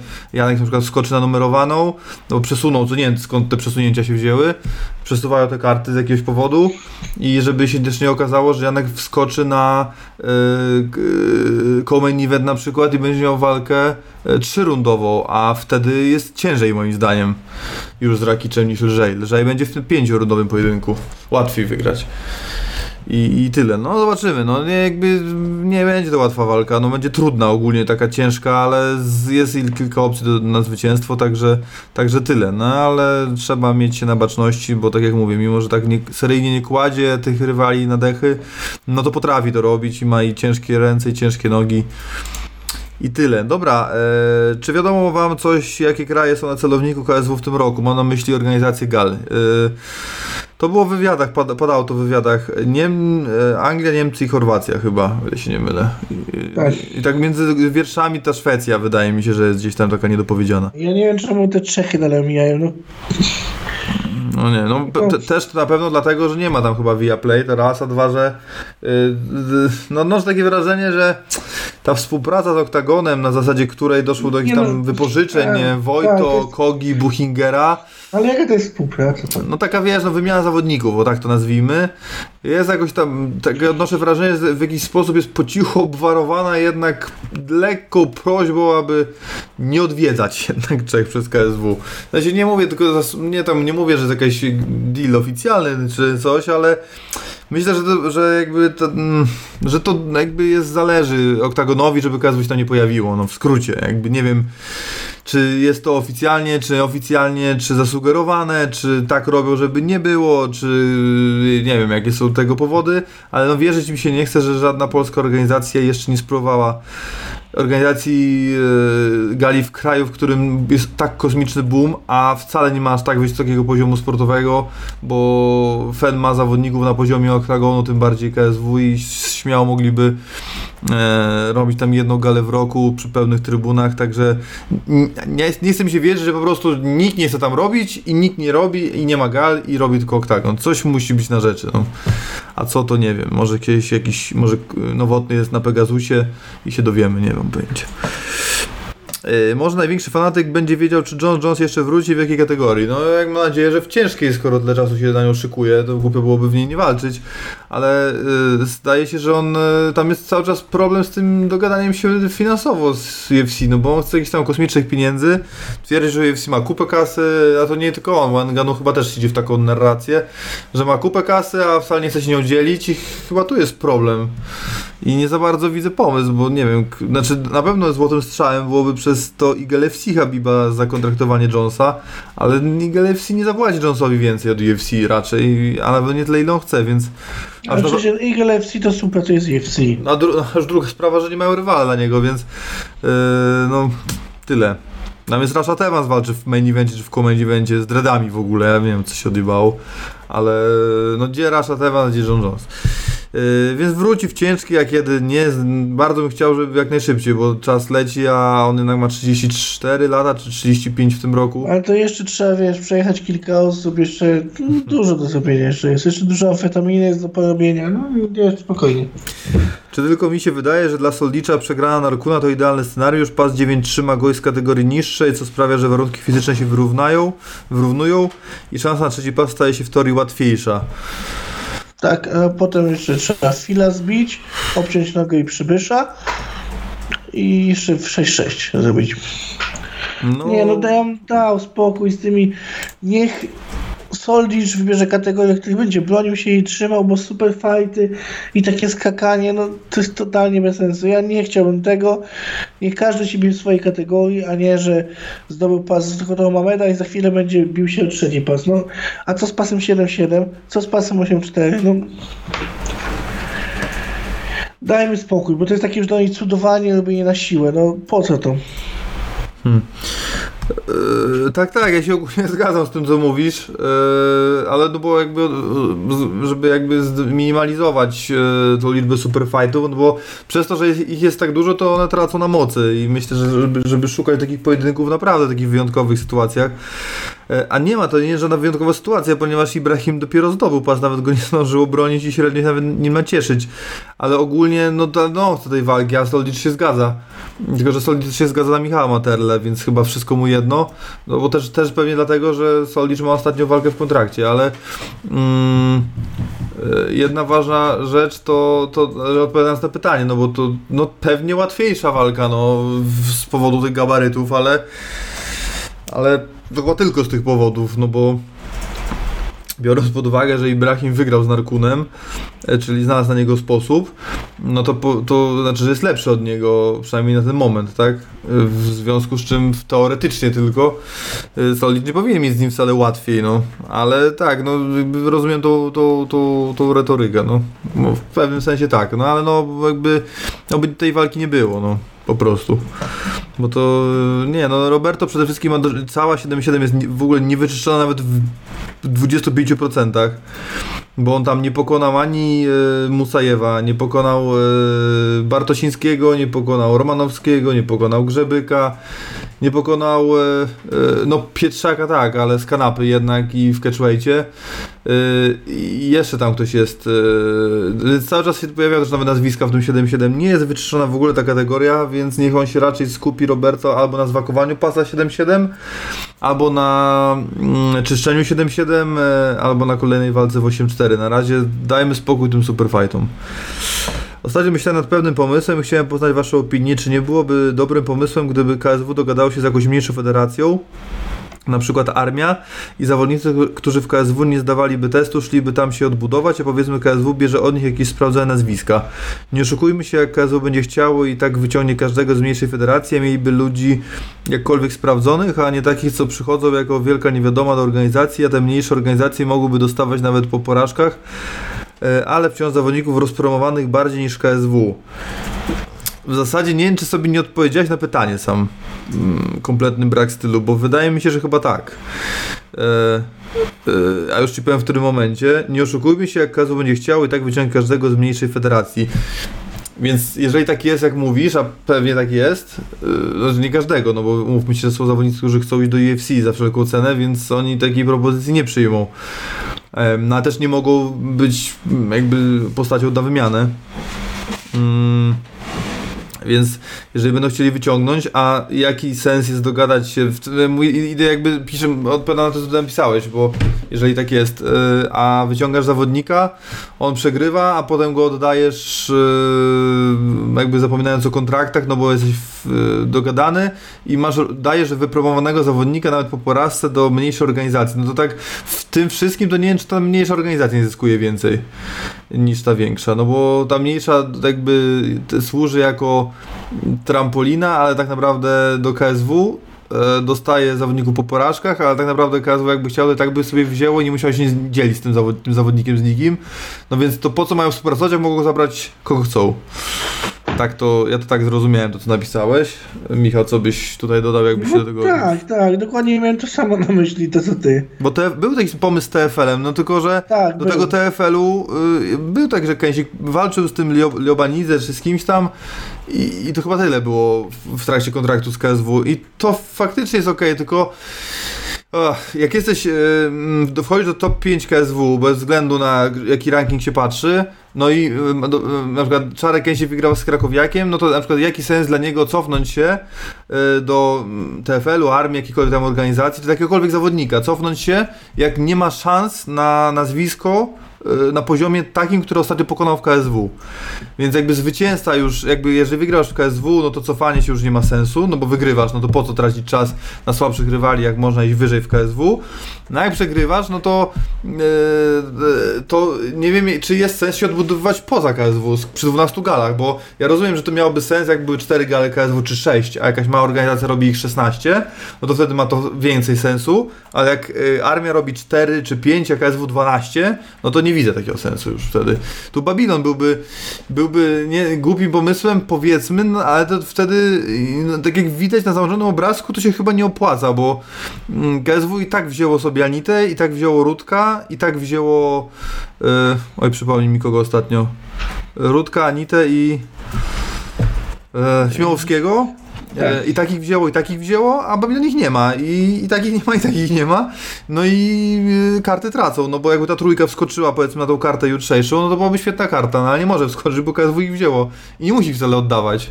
Więc nie za bardzo w tym wypadku to nie ma zas- zastosowania przy tej liczbie gal chyba, więc no tyle, no jakby już to nie ma sensu, bo może miało faktycznie wtedy, kiedy tak się nawet działo przez chwilę z TFL-em, dziś to sensu nie ma.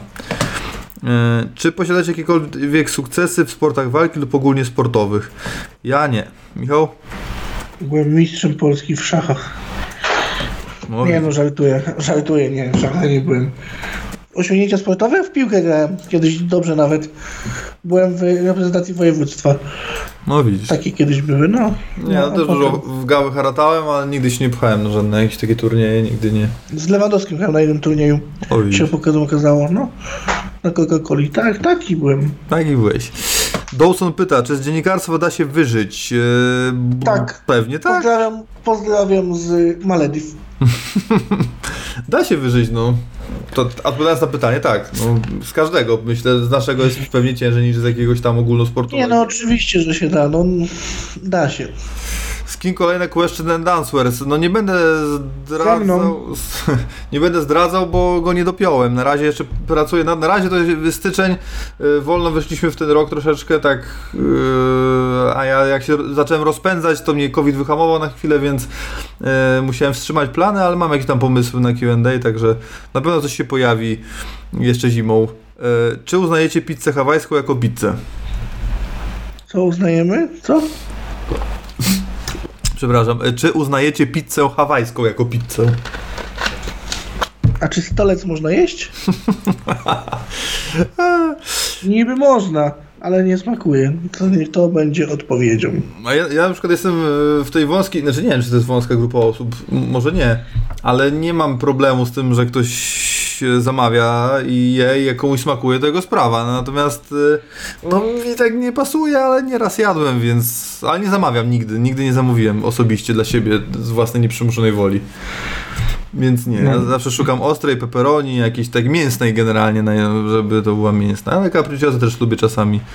Ale hawajski... Capricciosa najlepsze. Ale hawajskiej nie zamawiam. Nie, nie, prędzej, za- o, ale mogę na przykład powiedzieć, że prędzej zamówiłbym hawajską niż y, margaritę. No, z racji składników, Nie, nie, liczby ja nie. składników na niej, no to z tego powodu, ale tak, to, to każda, każdą wybiorę, no chyba jeszcze z czekoladą taka, takie, taka, nie no, pizza to już w ogóle A są te na słodko takie, no też tego nie rozumiem. To Widziałem coś takiego, że nutellą smarują, ale to już w ogóle bez sensu. Yy, pizza kebab, coś takiego jeszcze jest, wiem, to tak raz to chyba ją wypromowało, też bez sensu trochę, tak. Nie próbowałem kiedyś coś takiego zjeść, to średnio mi kawałki kurczaka na pizzy leżą, jakoś tak. Nie, nie to, ja lubię zdecydowanie to włoską pizzę, włoski rodzaj pizzy, cienkie ciasto, takie o, w tą stronę. Więc no, to hawajska ma się nijak do tego. Yy, Giles Żaromski, czy to są najlepsze angaże do KSW? Zdecydowanie tak. Jeszcze dodałbym tego Quentina Domingosza. E, Da- Bażan był na tej liście, przepraszam. Tak, był. Bażan, Giles, Był, Żaromski. To dobrze. Był. I tak, Mariusz Żaromski to tak, i Tony Giles to jest taki król według mnie tej listy. On taki na, w tej liście pound for pound tych zawodników to jest mój numer jeden. Ale jeszcze ostatnio był ten taki, na ostatniej gali walczył taki dobry zawodnik też. Kto to walczył ostatnio? Też był dobry. Kurde. Na KSW? O? Też dobry angaż mówiłem, ale nie pamiętam. Ale to a, nie, nie, nie mówisz, że... e, czekaj. O żadnym zastępstwie. 60 ile to było? 7? No 67, no. Nie, 66. 66, już ci mówię, już ci mówię, już ci mówię, bo to też było mocne nazwisko. Kurde, no.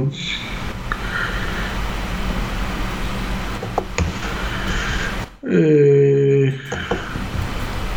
Nie, Morika. tak, ale- Morika, tak? A Monika, oczywiście, tak, tak, tak. O Monice mówiłem, ten co był przestraszony. To troszkę dodam go do tej listy. On tak, że tak jedną nogą jest, a jedną nogą nie jest, tak, ale, ale to umoczony jest w to towarzystwo. Także, Tutaj Dawson, ten co zadaje pytania, czyta nas. E, jeszcze jest na czacie, napisał Italiano killer, co gardy nie uznaje. o, no, no dokładnie. No i widzisz, widzisz, ludzie sami mówią. No to ludzie rozumieją to. E, Dobre, gar, gardy nie uznaje. A tu jest, jak już tego Gilesa, bo e, Filip e, prosił, żeby się odniósł do walki Trevina Gilesa z karty głównej UFC z pierwszej walki, bo z debiutantem przegrał. A tak, widziałem. No, to, widziałem akurat tą walkę z powtórki. No, to jest bardzo mądry, inteligentny gameplan, podobał mi się. Ruszył z taką niesamowitą szarżą kilkunastu ciosów, a po chwili e, sam leżał. Także inteligentnie podszedł do tematu, dał szansę się wykazać debiutantowi, wiedział, że jego nie zwolnią, a chłopak młody to nie się wykaże. No i tak koleżeńsko, fajnie, szanuję. Lubię tak. Kto będzie następnym Polakiem w UFC? No ja Mam, nadzieję, że Mateusz Niebecki. Ja też i myślę, że ma najbliżej w tej chwili. Co tam u was? No to ja to już powiedziałem. Co, co u mnie ostatnio, Michał, co u ciebie? U mnie świetnie, za który dzisiaj jest 27? No. za niespełna miesiąc, za 20 dni spodziewam się y, syna. Także bardzo dobrze, Bardzo dobrze. przyjemnie. Paweł e, Płatek pyta, czy jest jakiś zawodnik, który, e, który KSW, którego KSW zakontraktowało i czeka na debiut dłuższy czas? No Martin Ford. Jest. Iwona Guzowska. To też faktycznie. Ale Ona tak. najdłużej czeka. Iwona Guzowska czeka dłużej. Dłużej, no to prawda. Jakich zawodników wagi ciężkiej i półciężkiej widzicie w KSW? O Jezu. Wszystkich e, Y, Ja wolnych. widzę dobrych. Do, dobrych. wszystkich dobrych i wolnych. Przede wszystkim. Nie no, no no, ale to, to jakbym miał wymieniać, to ja ci wymienię z wszystkich Svenu bym wziął z ciężkiej, z półciężkiej, prawie wszystkich, ale szczególnie z półciężkiej, to chyba wszystkich bym wziął tak naprawdę. Yy, naprawdę Oj, chyba tak. wszystkich. No ale to tak nie elegancko, więc yy, sz- szukając poza polskimi organizacjami, no ale yy, to nic nie przychodzi takiego konkretnego do głowy teraz. Yy, no na pewno chciałbym, żeby tego Umara Si przytrzymali, bo myślę, że warto to zrobić, yy, warto się na nim skoncentrować. Może tego rywala Biernata spróbować, yy, w, on z ciężkiej jest, on zdaje się na S. Ja bym chciał zobaczyć już kogo? Tego y, zapaśnika, o którym Andryszak mówił, że teraz w kosie jest. A, wiem, wiem, wiem, wiem. No, no, no, Yy, chciałem zobaczyć Olimpijczyka. Tak, tak, tak, tak. No, no, no, no. Bardzo chciałem sobie obejrzeć, bo sobie naprawdę tutaj ostrze zęby po tym, co Michał mówił. No, tak, tego olimpii nie pamiętam imię, nazwiska. Fabian pisał, nie pamiętam. Yy, no, ale tak, no tak jak powiedziałem, no całe 9-3 z Fenu, no ale tak niech ona w Fenie będzie, bo ich tam jest więcej. Ale coś mi tam jeszcze chodzi, no b- mm, tego Barborika chciałbym z powrotem, nie ukrywam, w sensie z powrotem, no żeby jakby częściej Ale on jest podpisany. No jest, jest, tylko no tak jest, ale walczył raz i ja bym chciał jednak, żeby walczył częściej. Raz czy dwa razy? Nie, raz chyba. Walczył Wojto raz No z klaczkiem chyba tylko. Yy, No żeby Buchinger był, żeby Max Hoga był z powrotem, ale to ciężka dzie- 9-3 i... Yy, ta, Y, I ten, i żeby fajnie jakby był też Grigor Ashbamian. Nie, ale... No to, ale ty się śmiejesz, on to solidny zawodnik. On, on akurat do Giants się nie ale nie, nie, nie, nie, nie, nie, nie, nie, nie, przepraszam bardzo. Tutaj, tutaj są podśmiechujki z tego zawodnika, ale to jest chyba kawał zawodnika. To nie jest jaja teraz. Ja mówię poważnie, że Grigor Ashbabian to, to nie jest w żadnym, ale to żadnym wypadku z rodziny Giantsów. Przepraszam, bo tutaj zaszło jakieś nieporozumienie, zaszło jakieś tutaj, nie wiem, głupie jakieś śmieszki, heheszki, a to jest zawodnik, który już swoje wygrał w KSW, jest, można powiedzieć, legendą tej federacji, walczył, jedyny zawodnik, przepraszam, który walczył w czterech kategoriach wagowych w KSW. Znajdź mi takiego. Znajdź mi takiego zawodnika. No nie znajdziesz. No nie ma. No. A i on jest po wygranych zresztą. To nie jest tak, że on, wiesz, wygrył same jakieś ogórki, pokonywał, czy coś jest po wygranych z, z historią w KSW. Hmm. No, no, no. E, ja rozumiem, rozumiem. No słuchaj, e, tak lukam mm, jeszcze, bo tak z głowy to nic nie, nie wymyślę na szybko z tych takich zawodników, szczególnie 9-3, ale tak widzę, że można by było, ale on przegrał. E, ale bo Nasrudin Nasrudinow e, był w kontenderze i przegrał. To Tak. znaczy, że nie idzie do UFC, rozumiem. Bo cze- czemu mi się wydaje, że on. Nie, no tak jak przegrał, to nie idzie. No to Nasrudin Nasrudinow jest opcją. Ale tutaj dużo tego nie ma, kurde. Jak tak się faktycznie poprzygląda trochę. No to ja tutaj jechałem już do Szymona Kołeckiego mm, i Iwana Erslana.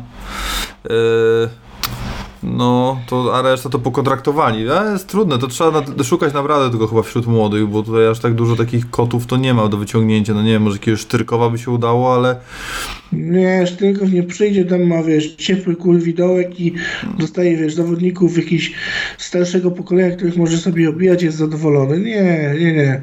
Chociaż ostatnio do, w ACA walczy, to, to wiesz, to może coś tam się zmieni w postrzeganiu jego osoby, co do na przykład mnie. Mhm.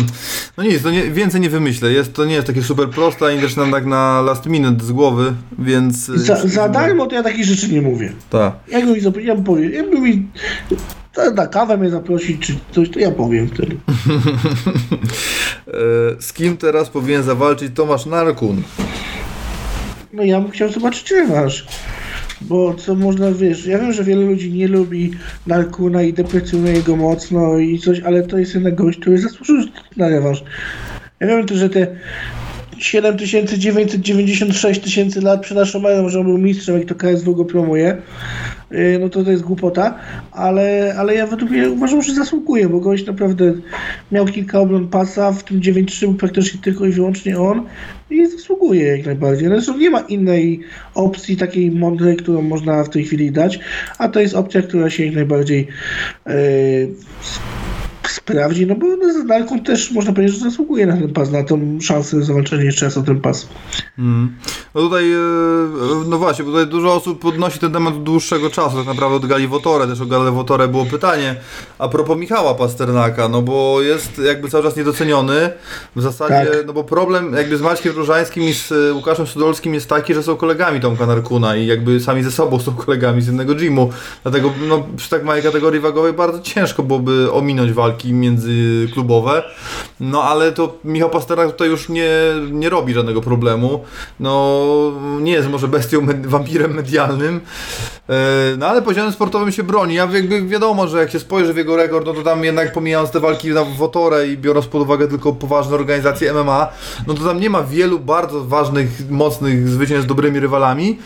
Ale tam są umiejętności, naprawdę są naprawdę Ale tak, dużo no. umiejętności i to widać w walkach. Walka z Różańskim i ze Sztrykowym, to takie są walki, które dużo Wiesz, pokazały. bo on na przykład, no wiesz, on na przykład prze, przegrywa swoje pojedynki, ale nie przegrywa je, nie wiem, miażdżąco.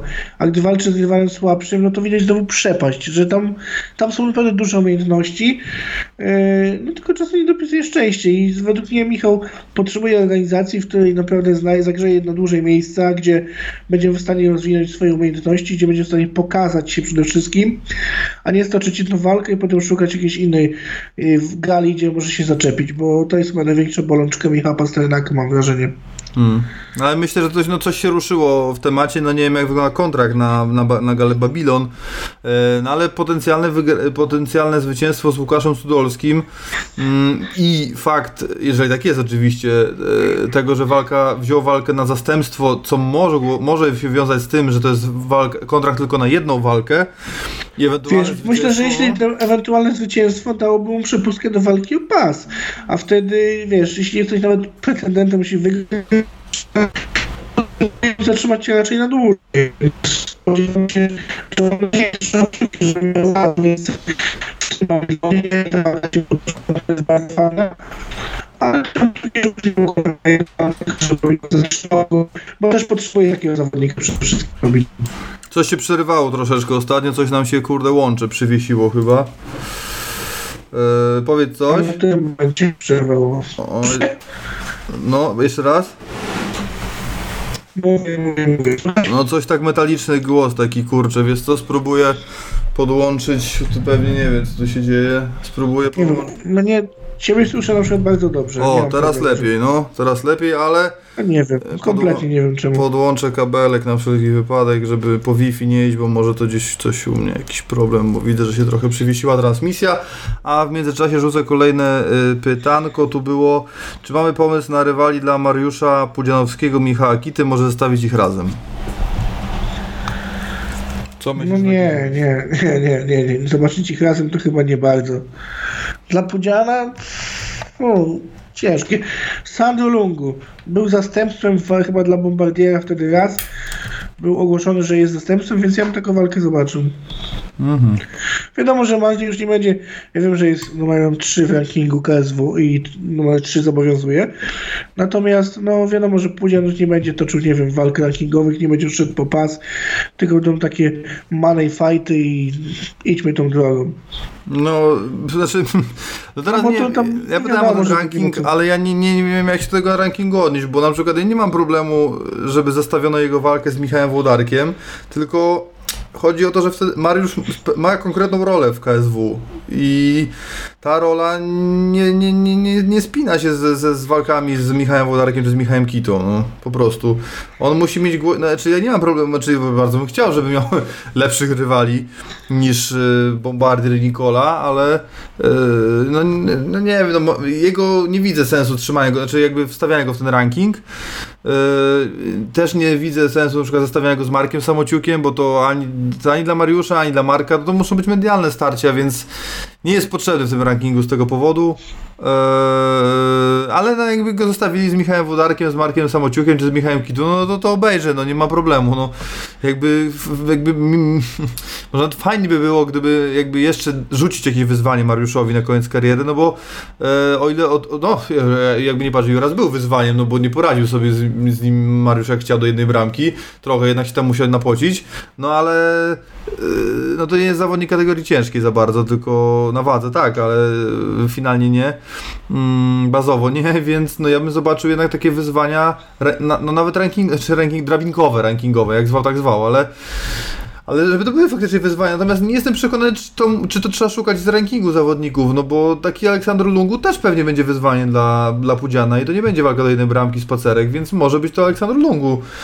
Naj, najważniejsze, żeby to nie, nie był rywal, który naprawdę, no, jak, no to Nikola jest złym przykładem, bo Nikola to nie dość, że się postawił lepiej do Bombardiera, to był zastępstwem, ale no to jest zawodnica jak Bombardier, żeby już nie, nie, nie, nie, nie przyjeżdżali tutaj, no bo to e, przerost formy nad treścią, no najzwyczajniej w świecie i tyle, ale mm, pomysłów nie mam, no, z kim miałby Mariusz się Pudzianowski zmierzyć.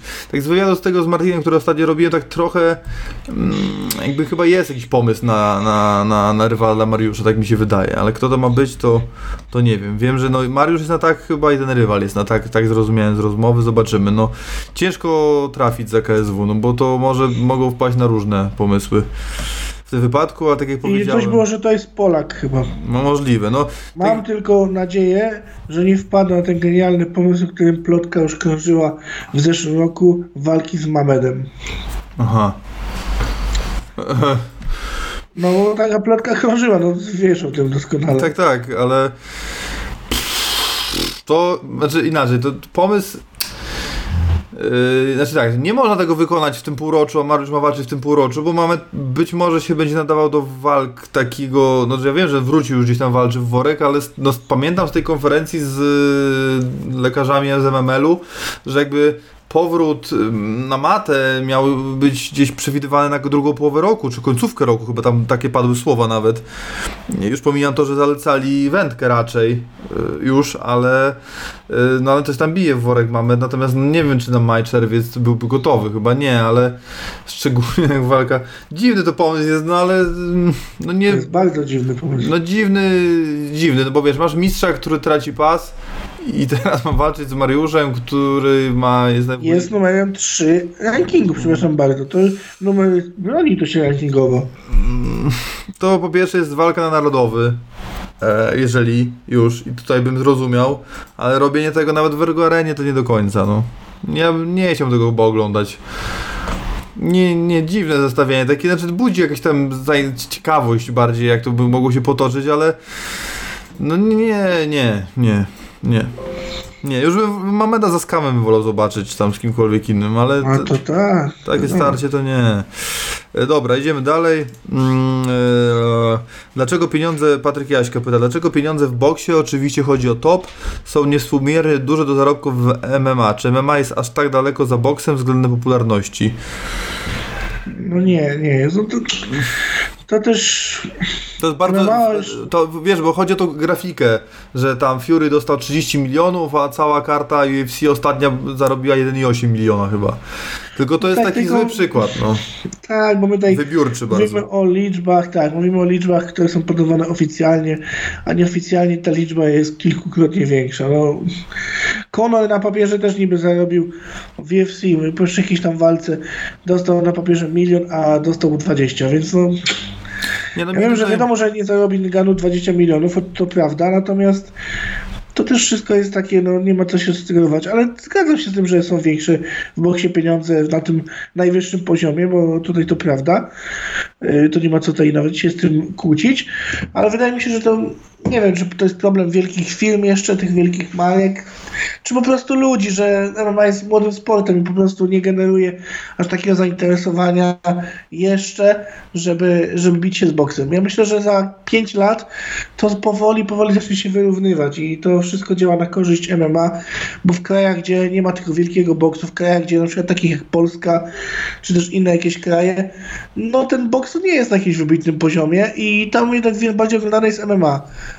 A ten boks jest tam, gdzie mają bohaterów lokalnych, czyli wiadomo, Anglia mają dwóch wielkich e, mistrzów wagi ciężkiej, Ukraina, no to oczywiście, ale na przykład już w Rosji, nie wiem jak to wygląda szczerze mówiąc, ale myślę, że MMA w Rosji stoi bardzo mocno i być może nawet jest bardziej popularniejsze niż, e, niż boks. Mogę się mylić, to jest tylko moje zdanie, bo tutaj e, też nie chcę jakieś palnąć głupoty, może ktoś mi wyjaśni w komentarzach, ale tak przynajmniej mi się wydaje. I są te kraje, gdzie na pewno jest bardziej popularne MMA.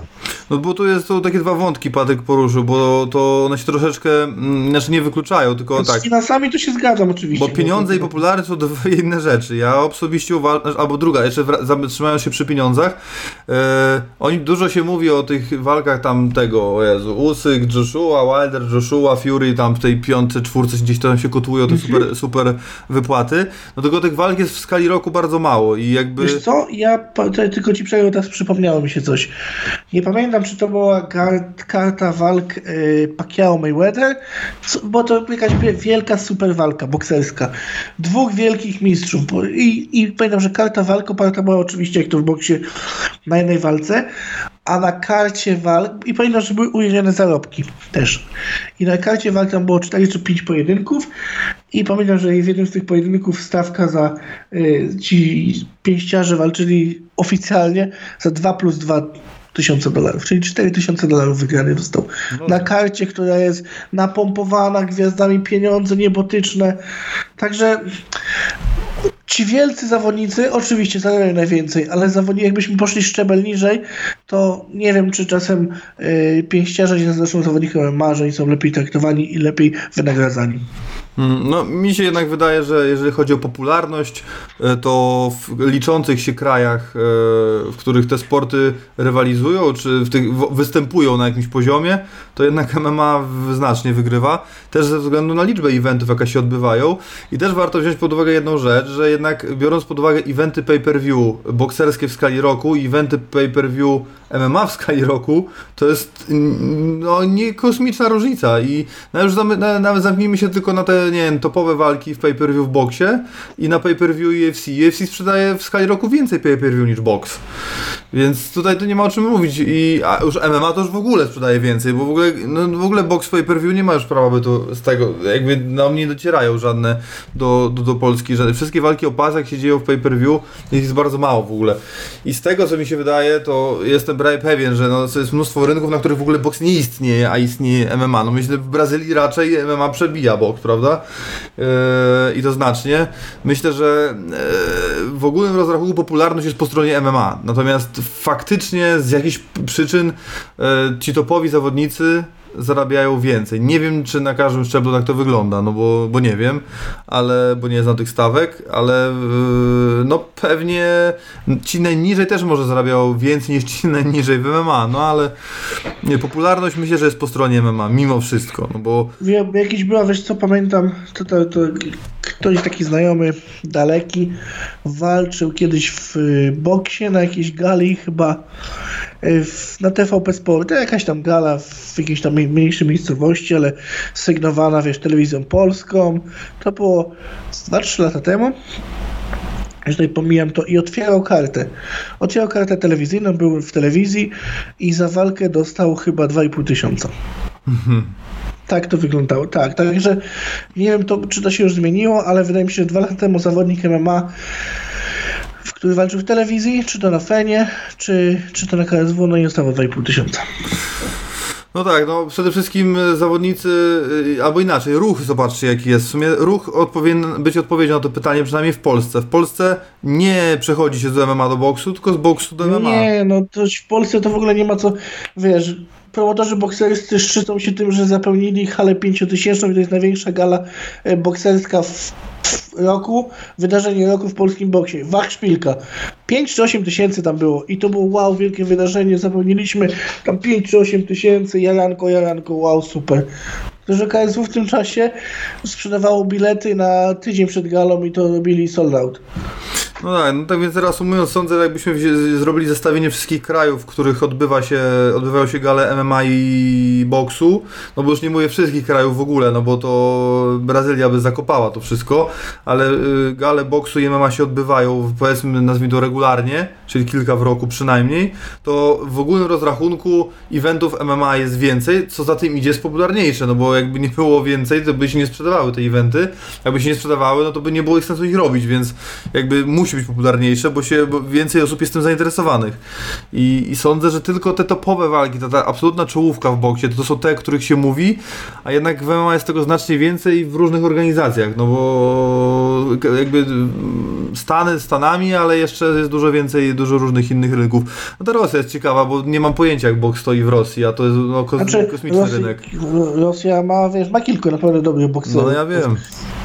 Ale, ale myślę, że MMA, no, tam, tam właśnie tam Władimir rządzi twardą ręką i tam Władimir, wiem, że jemu blisko do judo, on tam spotykał się z Fiodorem, wiem, i tam bywał też na galach Fiodora, na M1 był, być może na bokserskich też był, nie wiem, też moja wiedza bokserska nie jest aż tak wielka, ale wydaje mi się, że w Rosji akurat państwo mocno wspiera MMA, tam też wojsko, z tego co wiem, trenuje MMA, więc tam, tam ogólnie idą w tą stronę, więc być może to jest tak, że tam bardziej popularne jest, nie wiem.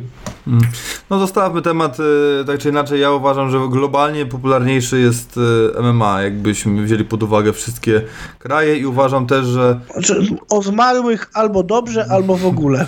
tak i uważam, że e, MMA jako takie sprzedaje w skali roku więcej pay-per-view, fin- nie mówię o kwotach, nie o liczbie, tylko już o kwotach nawet, niż box, także tak to zostawiam.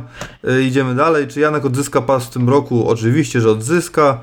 Yy, kogo teraz do walki o pas mistrza wagi lekkiej? Sebek Krajewski czy Saladin Parnas? O, to jest dobre pytanie. Sebek Krajewski. Sebek Krajewski. Michał y, mówi stop. Zdecydowanie.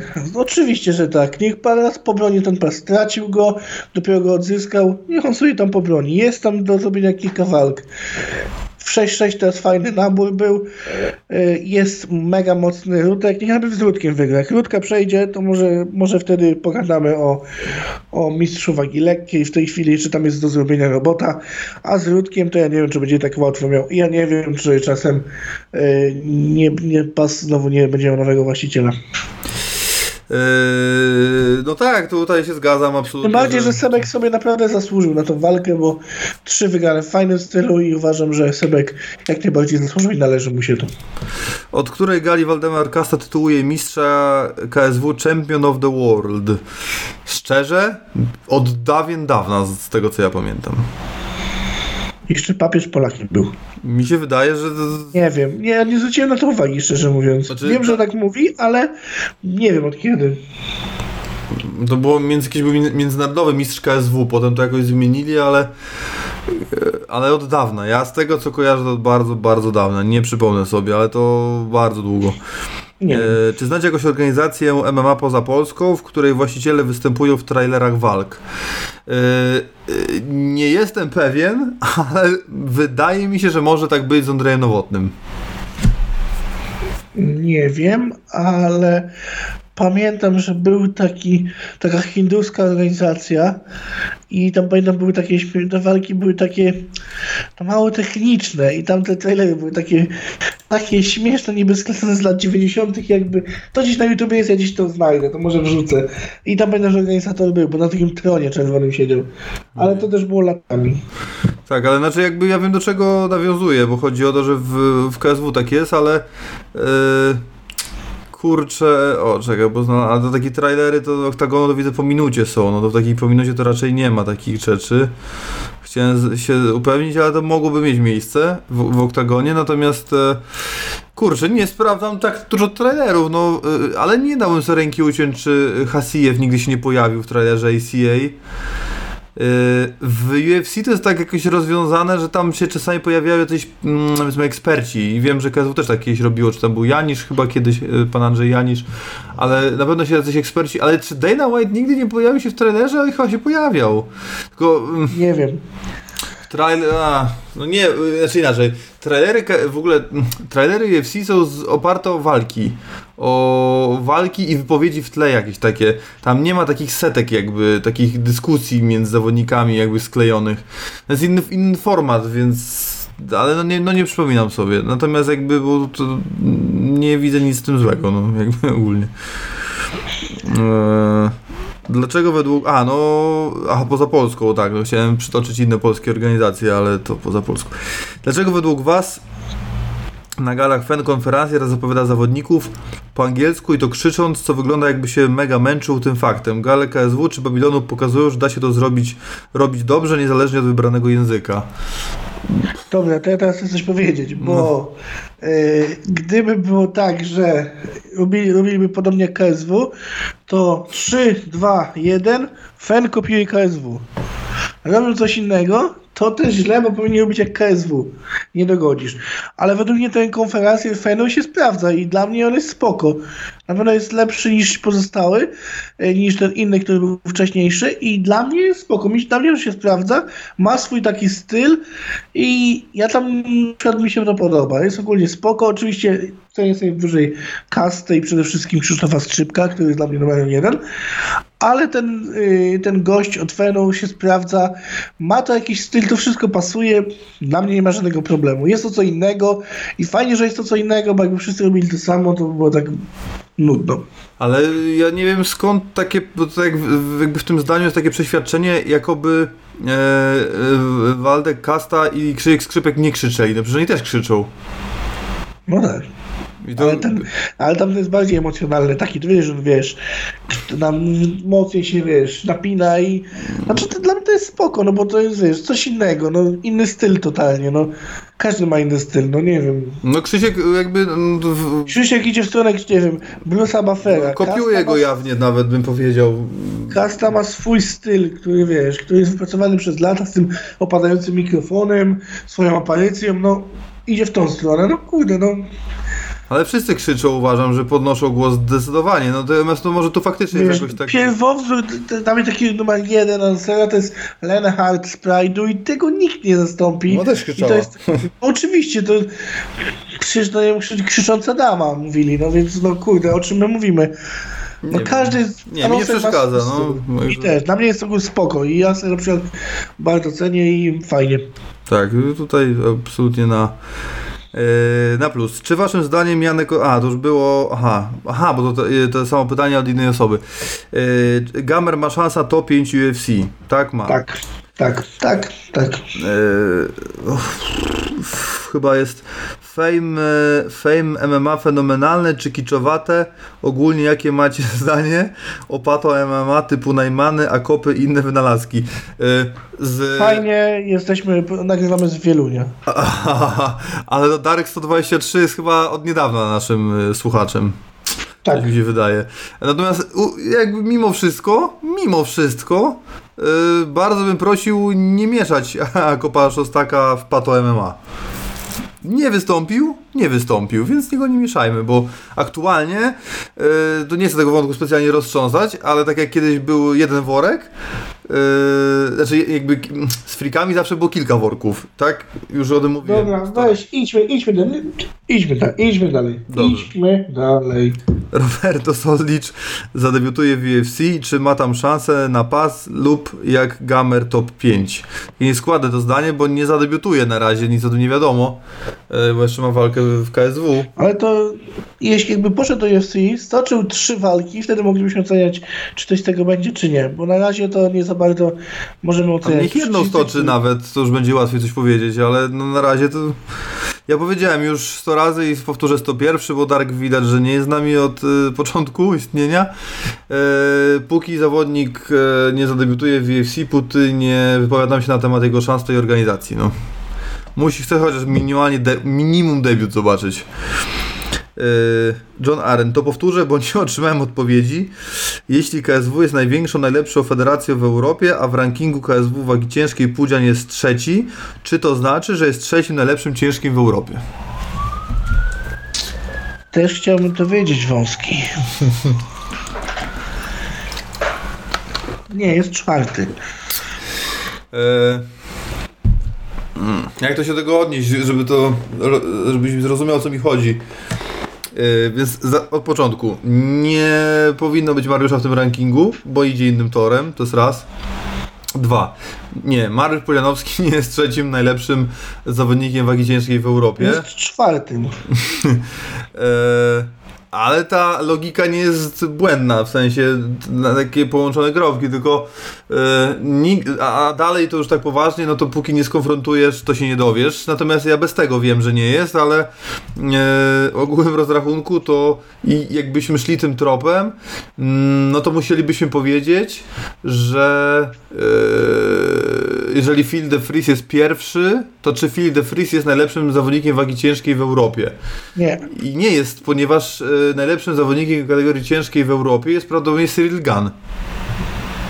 Jest wielu jeszcze innych. Ale póki się ze sobą nie skonfrontuje, no to się nie dowiemy, no. Także to tak. Ja uważam, że ja jestem najlepszym ciężkim w Europie i póki nie skonfrontuję się z Cyrilem Gunn, to mogę tak twierdzić. No, więc tu jest problem taki, tego typu, no bo to, że, że, bo to jest tak, jakbyś tak to pod, przedstawiłeś, jakby em, w Europie było KSW tylko, ale przecież UFC również ma zawodników z Europy, y, w- są w UFC, więc i nie tylko oczywiście w Bellatorze i tak dalej, tam jest wielu, więc no to tak nie działa, no. Ale sprytnie to, sprytnie zadane pytanie, ale no nie, nie działa to tak. Kto teraz dla Jaira- Jo- Rodrigueza moim zdaniem pokazał się dobrze w walce z Maxem? No, tam jest taka dziwna sytuacja, bo niby tam jest, y, tam chyba było dwa razy 48-47 i raz 49-46, ale jak się to, jakby ktoś walkę przypomniał, to w zasadzie wydaje się, że była do jednej bramki, a nie do końca była do jednej bramki, przynajmniej karty punktowe temu przeczą. No niemniej jednak nie ma mowy o rewanżu i chyba tak, ale z drugiej strony to nie wiem, czy Rodriguez z Katarem to teraz jest najlepszy możliwy pomysł. Może Rodriguez z Magomed Sharipowem nie doszła Te walka. walki, walki, no właśnie miała być ta walka No przecież. miała, się odwołała. Więc ja bym w tą Ale stronę. ja bym zobaczył walkę z tym, z Katarem. no właśnie, nie? ale nie, oni się nie mierzyli ze sobą już, kurczę, bo tak mi się coś wydaje, że... Albo, wiesz co, albo niech przegrany z przegrany, czyli Giga za, niech zawalczy. A nam jeszcze Giga Chikaza nam się pnie po drodze. No. E, poczekaj, poczekaj, bo... e, nie, no nie mierzył się faktycznie Katar z Rodriguezem. Tak mi się coś wydawało, że Ja- może... Jeszcze właśnie do tego Młynka dorzucił i niech się, niech się biją chłopaki. A to będzie fajna walka, stójkowa mega wojna. Pantera z Gigą. No, może tak być. Jest to opcja, także ja jestem no tak. No tam jest akurat tak wyszło, że tam chyba mm, topka nie ma rywali, więc można to w sumie dowolnie poskładać, tylko tak jakby, żeby unikać rewanży, jeśli nie są koniecznie. Co sądzicie panowie o King of the Streets? Głównie chodzi mi o zasadę łapania się siatki. Czy nie mieliście, e, nie myślicie, że można by wymyślić coś lepszego niż siatka? Równie wytrzymałe i bezpiecznie, a nie ograniczające widzenie.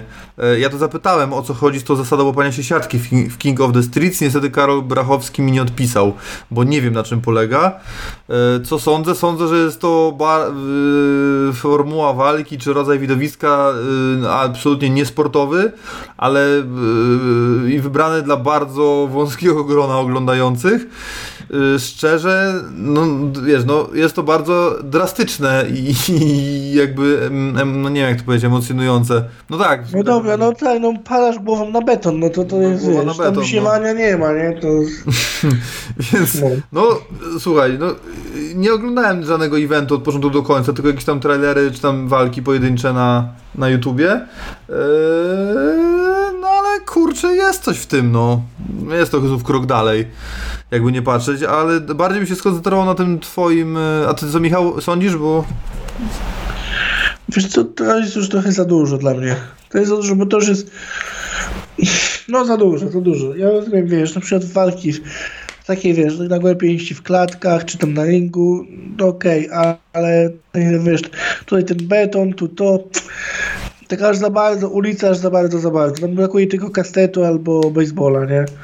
No jest taki ten anturaż, no, Trzeba tak mieć- ma być, no. Trzeba mieć, no nie no, wiadomo, że to chodzi o anturaż jest taki, a nie inny, tylko po to, żeby właśnie zwrócić, wiesz, zainteresowanie, no i wygląda to naprawdę, wiesz, mrocznie i tak ma wyglądać i klimat oczywiście jest, natomiast no to jest za dużo i tak jak powiedziałeś, to już nie jest sport według mnie, tylko takie, no, no, no, no za dużo, no powiem tak, za dużo i trzeba mieć naprawdę ogromne jaja, żeby, żeby tam wyjść, no tak powiem. No to jest, e, no nie jest sport, sami organizatorzy o tym mówili pod tym postem, King of the Street się wypowiedziało pod postem Wotore, w którym napisali, ujęli to tak, e, nawiązując do main eventu, że Wotore 1, King of the Street 0.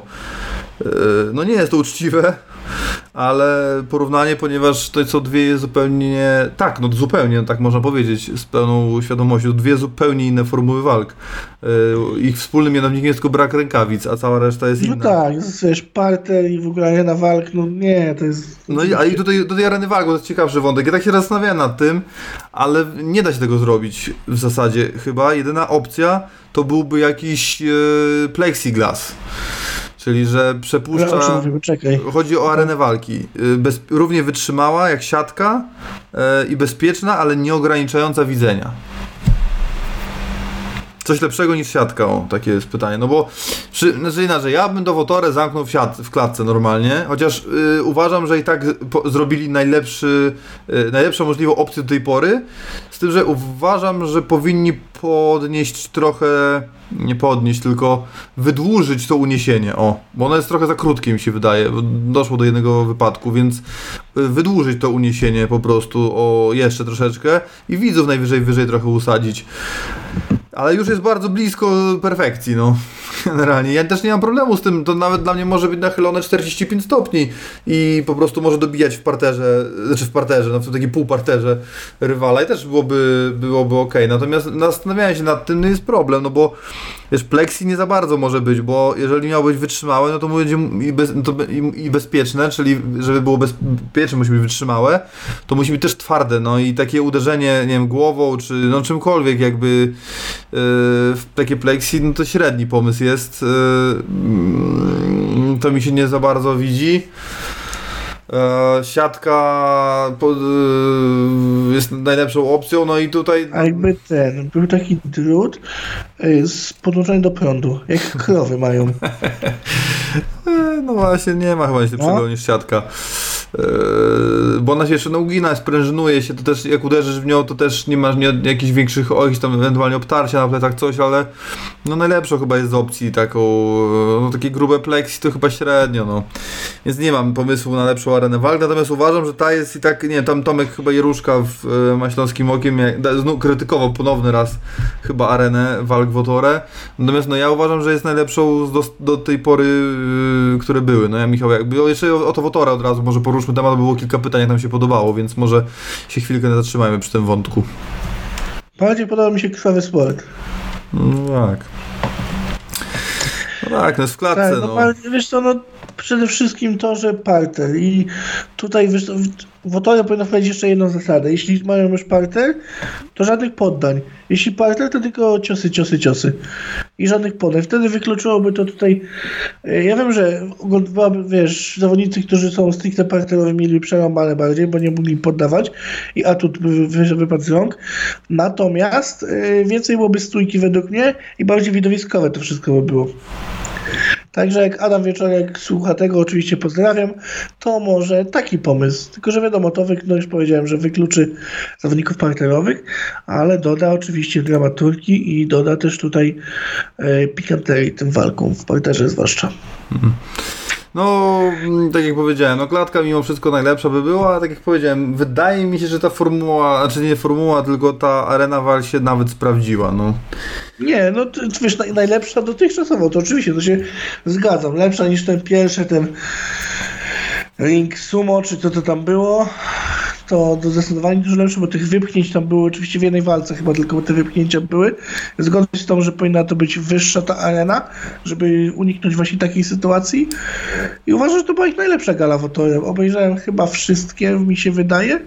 I to chyba była najlepsza ich gala. Ale i tak uważam, że e, Krwawy Sport zrobił dużo lepszą galę, zwłaszcza, że na walka z Wotora nie miała podjazdu do main eventu ostatniego Wotora. No, I że to... może być 10 knockdownów, także no takiego.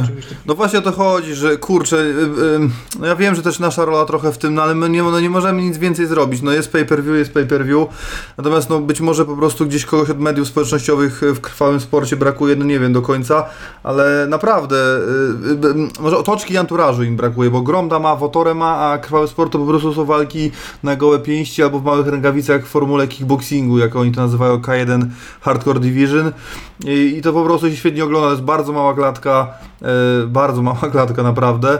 E, i jest K1 po prostu. I tego i tak tych nóg jest mało, więc e, pół karty w, w małych rękawicach, e, pół karty na gołe pięści, no to co ten main event, zobaczycie, no jak ten main event wleci na YouTube, a jest taki plan, naprawdę no nie wierzę, że ktoś po obejrzeniu tego nie, chociaż raz nie wykupi krwawego sportu. Ja rozumiem, że tam być może mm, jakby brakuje otoczki, zdaję sobie z tego sprawę, e, bo nie na to, nie na to stawiają, e, bo to wygląda jak gala MMA po prostu zwykła, mała lokalna gala MMA, e, nawet nie taka mała lokalna, bo tam tutaj dioda, są światła jakieś, to nie, nie wygląda wcale źle, czy jakby ni- niskobudżetowo nie wygląda, ale mm, nie, po prostu wygląda jak gala MMA i nie różni się niczym od małej gali MMA, tak jak Slackfestu, czy jakiejś takiej innej, czy Babilonu, czy coś, ale po prostu no, brakuje może tej otoczki i tego takiego, jakiegoś takiego jakby no takiego PR-u, no. Wotore ma to jakiś taki sznyt i Gronda też ma ten jakiś taki swój pomysł na to i to, i to jakoś tam się zazębia, gryzie, to jest żre to. E, A tutaj tego nie ma, ale dalej uważam, że to jest najlepsza formuła i jeszcze ewentualnie Muay Thai można byłoby spróbować e, na gołe pięści, tak jak jest w zdaje się, E, ale tak, no, najbardziej efektowna i gala, krwawy sport był dużo, dużo lepszy niż to Wotory ostatnie, także tutaj to nie ma gadki i, i, i polecam. No ale y, mi się bardziej podobała gala z Michałem Pasternakiem, jak wygrał turniej akurat, niż ta gala no ale ten soccer kick soczysty, y, no ta walka wieczoru, no to mismatch niestety w tej formule. Y, no i to tak, no, mm, ale, ale spoko, no na plus, no nie żałuję wydanych pieniędzy. Wydałem czy nie wydałem? Nie pamiętam już. Nie, nie wydałem, przepraszam. Robiłem wyniki na żywo i dostaliśmy jeden kod od organizatora. No ale jakbym wydał, to bym nie żałował. E, czy Ibrahim, czy Zigajew to przyszła gwiazda Federacji KSW? Nie wiem, niech pokaże to następna walka. No, gwiazdo to dużo powiedziane. To gwiazdo to Andrzej Grzebek może być przyszło KSW. A w takim kontekście gwiazdy, gwiazda. Czy Ibrahim to nie jestem przekonany. E, ile osób liczy obecnie załoga redakcji ITC? Nigdy nie pamiętam, ale 13 albo 14. Chyba 13. Czy Askem jeszcze zawalczy? Mam nadzieję myślę, że na pewno tak. E, Który mistrz UFC według Was straci pas w 2022 roku? UFC? No, e, Glover Teixeira. Glover straci, straci też myślę, że yy, Charles Oliveira i myślę, że w 6-6, że Zombiak odbierze. Mhm. E, A, no i oczywiście w Koguciej. A, ta, no to chociaż wiesz, jak aktor będzie dalej aktorzył, to może wiesz. E, Może być jeszcze e, inaczej, w Muszej, bo ostatnia walka naprawdę mogła iść w dwie strony i do dzisiaj nie wiem jak ją punktowałem. Bardziej wydawało mi się, że Moreno, chyba jednak. Też tak, tak, tak. Też. Ale to nie mam żadnego problemu z tym werdyktem, więc jeżeli dojdzie do czwartej walki, a nie wyobrażam sobie innej opcji, no to tu może dojść do zmiany pasa. Sterling straci ten pas na 100%. Yy, no za Maxa głę- głęboko będę trzymał kciuki, nie wiem co ten Magomed Sharipow wyczaruje, ale będzie ciężko bardzo z Wolkanowskim z pewnością. No Oliveira będzie miał trochę roboty, to na pewno. Nie sądzę, żeby się w 7-7 coś zmieniło. W 8-4 bardzo małe szanse, żeby nie powiedzieć nikłe. E, W pół ciężkie na 100% i to nie chodzi o to, czy Janek odbierze, czy nie, tylko po prostu Glover Teixeira w kolejnej walce straci pas. Jestem tego prawie pewien. Z kim by, z kim by nie, no jak nie w pierwszej, to w drugiej. E, No i tylko z tą ciężką na taką zagwozdkę, no bo to wiadomo, że ciężko się rządzi swoimi prawami. E, No i w żeńskiej kategorii pewnie w słonkowej dojdzie do jakiejś małej rotacji, pewnie w muszej na pewno nie. E, I jaka tam jeszcze mamy Jezu, Kogucia. No w Kogucie, no jest to bardzo prawdopodobne, piórkowej nie ma. Myślę, że Nunes może wziąć rewanż nad Penią, także tak, tak na szybko. Mm, Gdyby nie praca w redakcji, to jaki mielibyście inny pomysł na życie? No, każdy z nas łączy, więc ciężko na to pytanie odpowiedzieć. Każdy nas łączy dwa. Yy, i, Jakie było pytanie? Gdyby nie praca w redakcji, to jaki mielibyście inny pomysł na życie? Ja byłbym y, modelem na Instagramie albo kierowcą w Need for Speedzie. Czy można jednocześnie zrobić salto do tyłu i do przodu? W bok można. Ja myślę, że Aleksander K. pyta, jest profilowy pana prezydenta. Znaczy tego mm, Kwaśniewskiego oczywiście. Yy, No nie można chyba, ale to widzę, że jakieś podchwytliwe pytanie.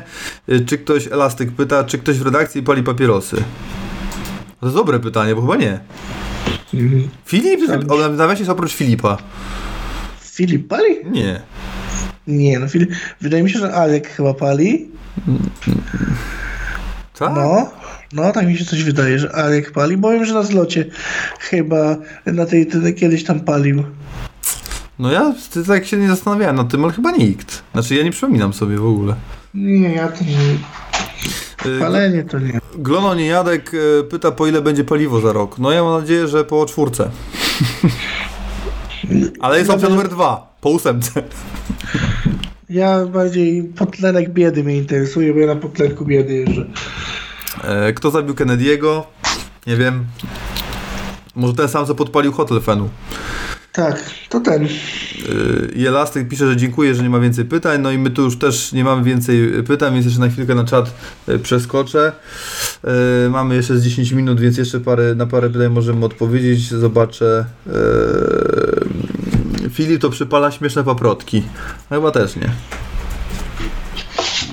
Nie. A, bo Filip, Filip zawsze kaszle. A o to chodziło elastyko i jest też na czacie z nami. E, no, to ma, ma z tym kaszlem problem faktycznie, jakiś taki dłuższy. A bo to na Śląsku i tam wszyscy, że tego węgla mają sobie. że pylicę ma pewnie. No jak raz pole- jak byliśmy w zeszłym roku z kolegami ze Śląska e, w Szwecji, to się dusili od tego świeżego powietrza. Nie, nie mogli się odnaleźć. Co to jest? Co to jest? Eee, czy, czy, czy, czy y, o co spytać, czy wszyscy umowa o pracę? Nie, jesteśmy, Wszyscy jesteśmy na B2B. Nie no, wszyscy umową o pracę, no jak prawilnie przystało.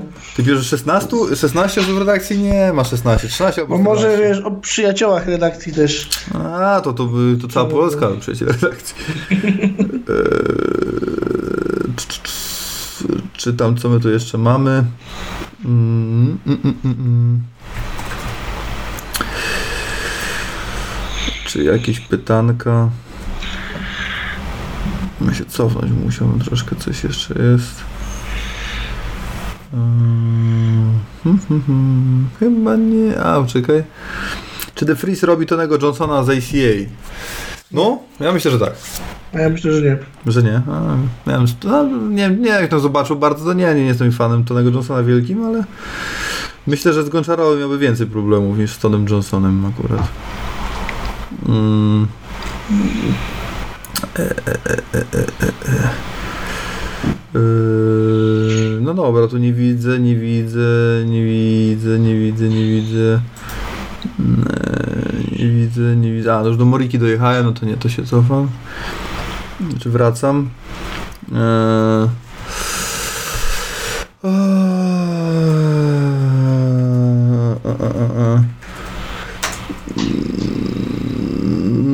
No dobra, aha, poczekaj, bo jest chyba pytanie od Fabiana. Czy następnym razem Kornel Zapadka swoje próby obaleń będzie rozpoczynał już w szatni?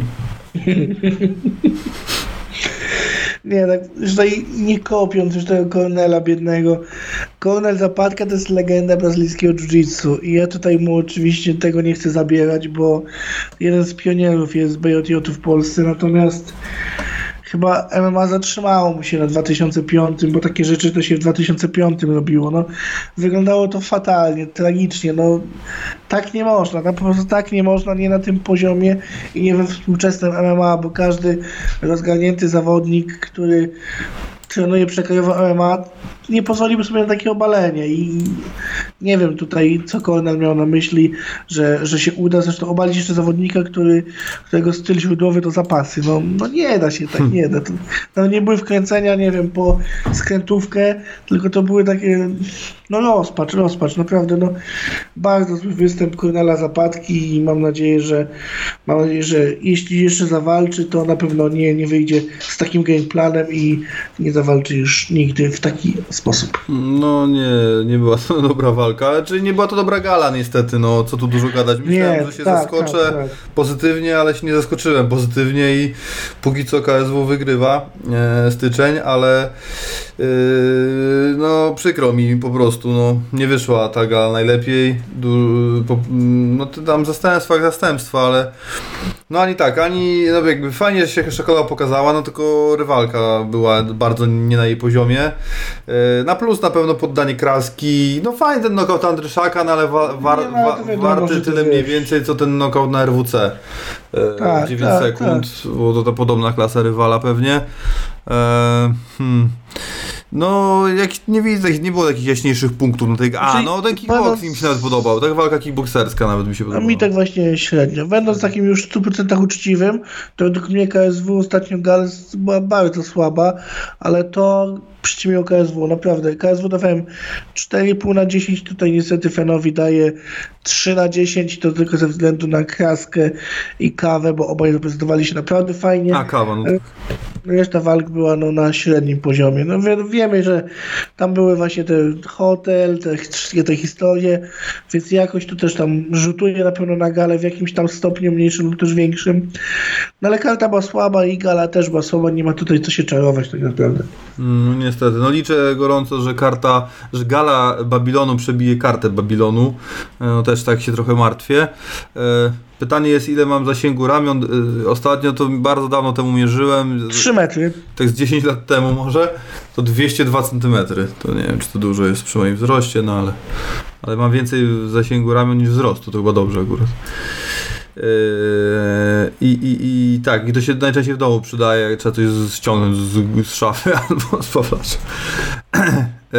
co tu jeszcze chciałem? Coś, y, jakieś jeszcze, czekaj, bo tu mamy to, sol, a, Solid czy Zigaje było, to nie wiem, czy mi to pytanie uciekło, a było o tym, o tym rozmawialiśmy, o tym trzecim pasie, ok? Ale coś jeszcze o Wotore było, o Fenie powiedzieliśmy dwa słowa, yy, aha, no to to jeszcze tylko dopytam, bo to w sumie temat taki najbardziej bieżący, yy, Sudolski pa, czy Pasternak, Michał? Hmm, postawię 51-49 na Sudolskiego z tego względu, że miał cały okres przygotowawczy, natomiast Pasternak przygotowywał się do Wotore. Ja nie, myślę, że to nie były przygotowania ośmiotygodniowe, tylko Michał po prostu wiedział, co ma zrobić i tam nie było długiego okresu przygotowawczego. Wiadomo, że Pasternak to jest zawodnik, który zawsze jest w gazie, który nigdy nie jest poza formą i tutaj na pewno będzie równa walka, nawet on jakby był przygotowywał się tydzień czy też osiem, zawsze da równą walkę i po prostu postawię na Sudolskiego z tego względu, że, e, że no, jest po pełnych przygotowaniach, pełnym obozie przygotowawczym, a Pasternak nie. Natomiast jeśli chodzi o kupon, jaki postawię, no to kurs jest tak zachęcający na Pasternaka, że posta- nie wiem, czy jeszcze jest ten kurs, że warto postawić na Michała. Mm. Yy, Fabian jeszcze pyta, czy jesteśmy nieco zaskoczeni misją Andrysz pod tytułem Andryszak w UFC. Wiadomo, że są tam słabsi od niego, ale te parcie nagłe zaskakujące. Temat zdominował galę FEN 38. Mm, No, znaczy zaskoczeni. No, jeżeli by kontrakt był na stole i decydowała wygrana z Darko Stosiczem, to w sumie nie, no. yy, Nie, nie, nie jestem zaskoczony jakoś. Znaczy, to, że zdominowała Gala FEN 38, no dokładnie jest dobrze, że był to jeden z głównych tematów, że nie było innych ciekawszych, in, znaczy innych, które były równie ciekawe. Eee, Nie odniosłem takiego wrażenia też akurat, bo wydaje mi się, że ten pożar zdominował jednak wszystkie tematy mm, na gali, ale kurczę, no ale to... mm, Jezu, no, ma takie aspiracje, ma takie ambicje, dał sobie ten rok na to, aby to się wyklarowało. Czemu nie? No, e, naprawdę, niech próbuje. Myślę, że naprawdę Michał Andryszak e, jest w stanie się tam utrzymać, no. Po prostu. Chłop ma niespełna 30 lat, ponad 30 walk zawodowych. Nie ma chyba w tym kraju ciężkiego, który jest równie widowiskowy, który tak kończy walki. Jedna chyba decyzja, jedna chyba walka, która dotrwa do trzeciej rundy.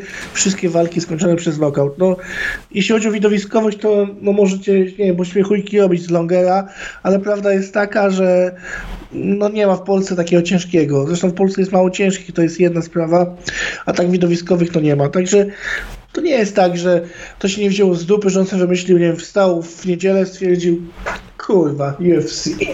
Nie, no to się nie wzięło tak. No, to ze Stosiczem przecież ta, ta walka, już taki był plan, był, była ta oferta i tutaj nie ma co się czarować, bo tak po prostu było, więc to takie podśmiechujki, ja wiem, że fajnie się pośmiech, haha, hi, hi, hi, że Andryszak w UFC beka, beka, ale przecież takie są fakty, tak było, ten kontrakt był.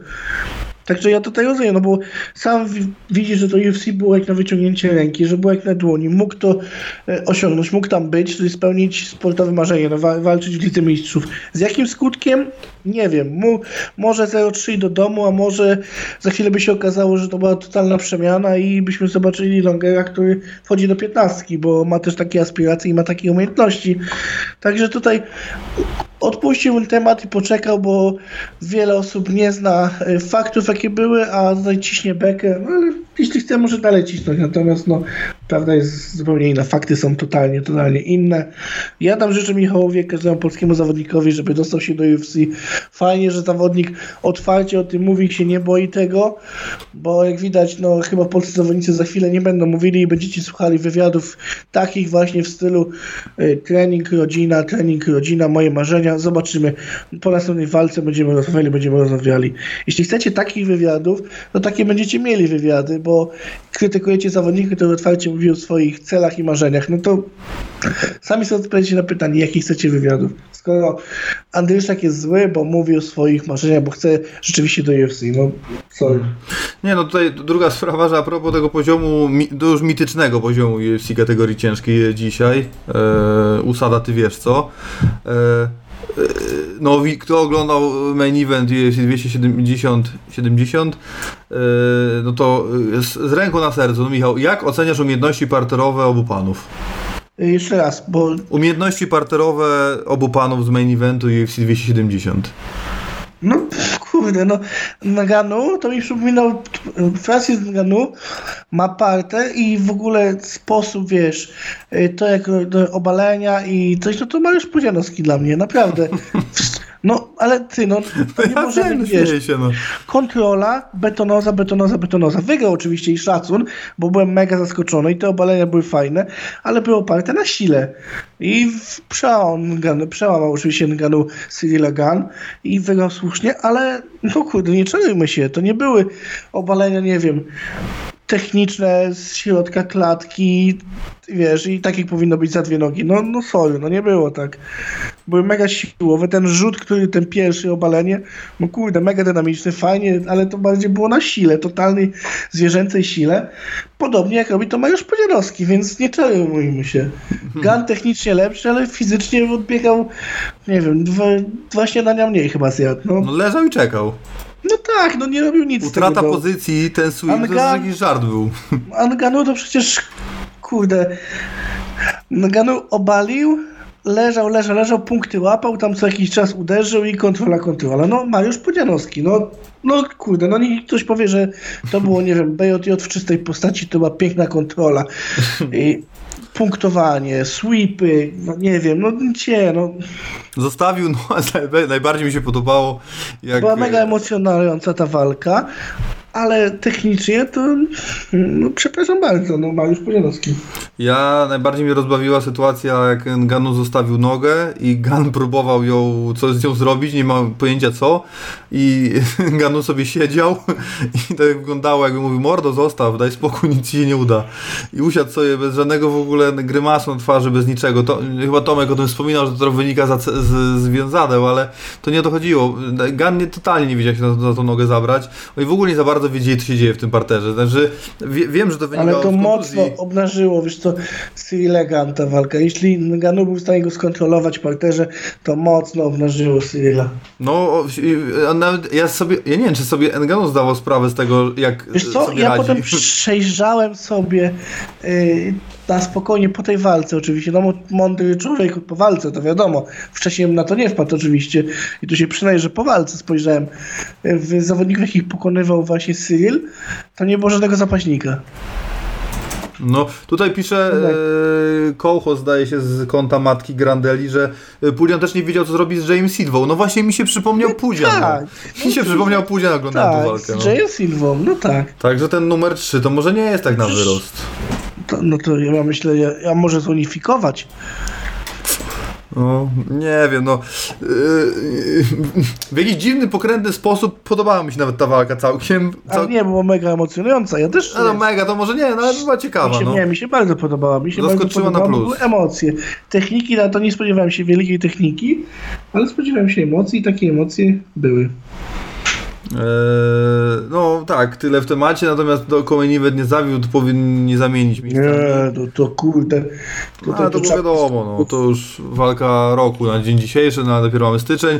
E, Coś jeszcze chciałem Cię zapytać, a no Ty Pasternaku, no to ja tylko dodam od Ciebie, że 51-49 dla Michała, uważam, że Maciek Różański jest lepszy od Łukasza Sudolskiego, a jednak Michał z nim sobie jak równy, równy, z równy z równym walczył, gabarytów trochę zabrakło, a zdaje się, że E, Łukasz Podolski jest mniejszy gabarytowo od Maćka Różańskiego, mniej wnosi do klatki w dniu walki, e, w- więc mi- 51-49 dla Michała Pasternaka, no niby nie namęczył się ostatnio i nie namęczy się pewnie za dwa tygodnie, czy tam za ile, ale tutaj wydaje mi się, że no jednak to doświadczenie wyjdzie i też ja się zastanawiam, jak Łukasz Podolski mentalnie stoi, bo wiesz, e, Michał Pasternak jest na, na fali e, wznoszącej i przede wszystkim po zwycięstwie, a jednak Łukasz no, gdzieś musi sobie w głowie tą porażkę poukładać i sądzę, że to może być ważna walka dla niego, szczególnie, że nie jestem przekonany, czy przypadkiem Pasternak po prostu nie jest mocniejszym rywalem od tego Poteiry. E, dlatego mm, no, duże wyzwanie przed Łukaszem, ale bardzo ważna walka. Szkoda, że z tym z tak małym wyprzedzeniem obaj oni wiedzą, nie, nie mieli dwóch pełnoprawnych obozów pod tego rywala konkretnego.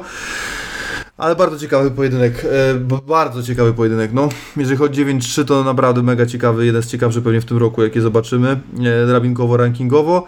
I jeszcze coś chciałem Cię zobaczyć, ktoś na czacie pisał, że w kwietniu niby Gamer Gillespie, jakieś inside info, nie wiem, no ale bardzo naturalne zestawienie, jeżeli tak faktycznie by było. E, A, no i jeszcze o tą jedną rzecz ostatnio i kończymy naprawdę, już tak, że już na pytania z czatu nie odpowiemy. E, Ziółkowski i Mańkowski, bo o tym słowa nie powiedzieliśmy, a wiem, że temat jest cały czas podgrzewany, no bo i trener Bartosz Jezierski się o tym wypowiedział i trener Robert Jacz się o tym wypowiedział i wiem, że ten temat jeszcze dzisiaj był poruszany w e, oktagonie, także to jakby Michał, to nie twoja punktacja, tylko no, co, jak oceniasz punktację i czy masz jaki, czy uważasz, że doszło do jakichś mm, uchybień ze strony sędziów jakkolwiek? Czy jesteś zawodnikiem kategorii 77 kg? tak, a propos oktagonu mi się przypomniało. Yy, nie no, dla mnie trzy rundy spokojnie Marian i to tak spokojnie, jak nie cztery. Zgadzam się z tym, co powiedział Robert J. Zgadzam się ogólnie z tym, co mówił Marian, ale naprawdę wielki, wielki props dla Borysa, bo pokazał się dużo, dużo lepiej niż się spodziewałem. Prawda. Naprawdę uważam, że mega duży progres poczynił Borys Majkowski w tej stójce. Mega ogromny progres, jeśli chodzi o przygotowanie fizyczne i przede wszystkim kondycję, bo on to wytrzymał te 25 minut i wydaje mi się, że gdyby była kolejna runda, też byłby w stanie ją przewalczyć. I tutaj naprawdę ogromny, ogromny props dla Borysa odnośnie to, to, za to przygotowanie, bo nie spodziewałem się, że będzie to aż tak.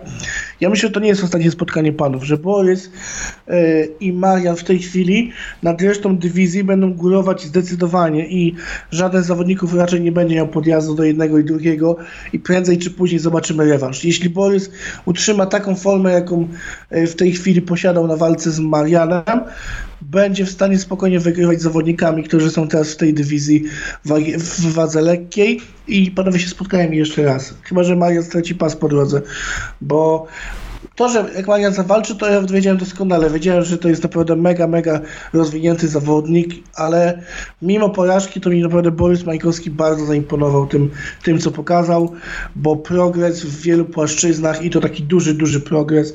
Także wielkie brawa dla obu panów, ale punktowałem oczywiście dla, dla Mariana tą walkę. Mm. No, to się zgodzę z, chyba praktycznie ze wszystkim, co powiedziałeś. Nie widzę kontrowersji w werdykcie. Mm, Absolutnie topowa forma Borysa Mańkowskiego, yy, no ale musi jeszcze jednak więcej coś zrobić. Fajnie, że głośno mówi się o tym, yy, że, że, że ta teoria o pokonaniu mistrza wyraźnie jest wyssana z dupy, z boksu w zasadzie. Nie chcę powiedzieć, że to to samo, ale też nie powiem, że nie. E, bo boks, polski boks jest w dupie, ale no dobrze, nie, nie idzie taka narracja, natomiast no chyba 3-2 jednak w rundach jest ok, no nie oglądałem walki drugi raz, ale oglądałem prac w zasadzie bez mniejszych e, zrzutów koncentracji na żywo w Mediarumie, więc e, uznałem, że niekoniecznie muszę nadrabiać, żeby szukać tej punktacji, ale powiem, że przy werdykcie nie byłem pewien, co sędziowie, nie, nie, nie, nie użyć słowa wymyślą, tylko jak ją wypunktują, w sensie jakby wypunktowają dla Borysa, mm, też pewnie bym to dziś przyjął normalnie, w miarę, chociaż no nie chcę teraz rozbijać na atomy tej walki, no bo nie było podsumowania, no ale w ogólnym rozrachunku e, runda po rundzie się punktuje walki, e, więc jakby runda po rundzie punktując walki, subując punkty, mm, wygrał walkę Marian, no i, i tyle. I tak bym to zostawił, także w mojej opinii oczywiście. I, ta statystyka zrobiła fatalną robotę w mojej opinii, bo wiele osób nie zwróciło uwagi, bo oczywiście ludzie ze środowiska, trenerzy, zawodnicy wiedzą, ale bardzo fatalną robotę ta grafika zrobiła ze statystykami, bo rozpętała burzę niepotrzebną, ludzie się skupili na tych statystykach y, zadanych ciosów, ale nie pomyśleli, że, cio- że to się dzieli na 5 rund. Więc można zadać więcej ciosów znaczących, ale na przykład można zadać 30% z nich w jednej rundzie, a potem w czterech zbierać i wtedy się ma nijak do werdyktu e, przy punktacji w MMA, także tutaj no nie sądzę, że ta, że ta grafika, może fajnie, że one się pojawiły, ale zrobiła więcej szkody niż pożytku w tym wypadku, bo rozpęta, ludzie się oparli na tych statystykach bardzo mocno, a w tym wypadku no, nie miało to chyba e, zasto- zastosowania, czy nie chyba, tylko na pewno. To tylko tyle. E, tam jeszcze tylko jedno było pytanie, no nie odpowiem, czemu staję w rozkroku na wywiadach, a to ze względu na to, że jestem tak pijany, że muszę jakoś utrzymać równowagę. I tyle. No nie, no dlatego, że rozmówcy są niżsi i nie chcę wychodzić głową za kadr. Ale ta pierwsza opcja niekoniecznie musi być kłamstwem. Dobrze, Michał, kończymy, tak? Tak. Jesteś, jesteś tam bardzo, się cieszę. Dobrze, także tyle od nas. E, Wpadajcie do nas na kanał. E, Dzisiaj wjechał wywiad z Piotrkiem Strusem, godzinę przed rozpoczęciem podcastu. Jutro jeszcze jeden z wywiadów z Warszawskiego Centrum Atletyki wpadnie z Filipem e, Ostrowskim. E, oczywiście sprawdzajcie wywiady z, z trenerem Robertem Joczem, z Szarkiem Oleksiczukiem, e, z Bartkiem Szewczykiem. Jeszcze tych wywiadów z WCA be, be, będzie więcej w przyszłym tygodniu, bo mam parę pomysłów, no, które trzeba zrealizować koniecznie. E, jutro Babylon MMA, oczywiście nasza ekipa się tam pojawi, więc sprawdzajcie nasz kanał, na pewno będą wlatały, wlatywały materiały z Babylon MMA 27. E, także to tyle na ten moment. Wpadajcie na nasz fanpage, na naszą stronę, na wszelkie media społecznościowe, Instagramy i subskrybujcie kanał. E, I jeżeli Wam się ten odcinek podobał, to klasycznie zostawcie łapkę w górę, bo tam się pomaga. Co, Michał? Fajnie rozwijać. Tak jest, prowadzący byłem ja, Olkiewicz Mariusz. Niedługo cel na donatach się zmieni, ale o tym więcej w kolejnym odcinku pewnie powie Filip z Tomkiem, e, ponieważ e, zmieni się starczy antyinflacyjne ITC e, na UFC Londyn, ponieważ planujemy się tam wybrać. Jeszcze oficjalna, ostateczna decyzja nie zapadła, ponieważ jeszcze z UFC się nie kontaktowaliśmy w tej sprawie, czy nie będzie problemów z otrzymaniem akredytacji, tak jak to miało miejsce w Abu Dhabi, więc nie możemy Wam obiecać, natomiast planujemy się tam pojawić. Zobaczymy Zobaczymy, czy nie koliduje z żadną galą w Polsce, żeby to też miało ręce nogi i sens przede wszystkim. Na razie 8,48 pewnie nie starczy na ten wyjazd, ale coś tam dorzucimy od siebie i powinno się udać. Taki przynajmniej jest plan. Także tyle. Jeszcze raz dziękuję Wam ślicznie, ślicznie, ślicznie za udział. Eee, trzymajcie się do następnego i piona.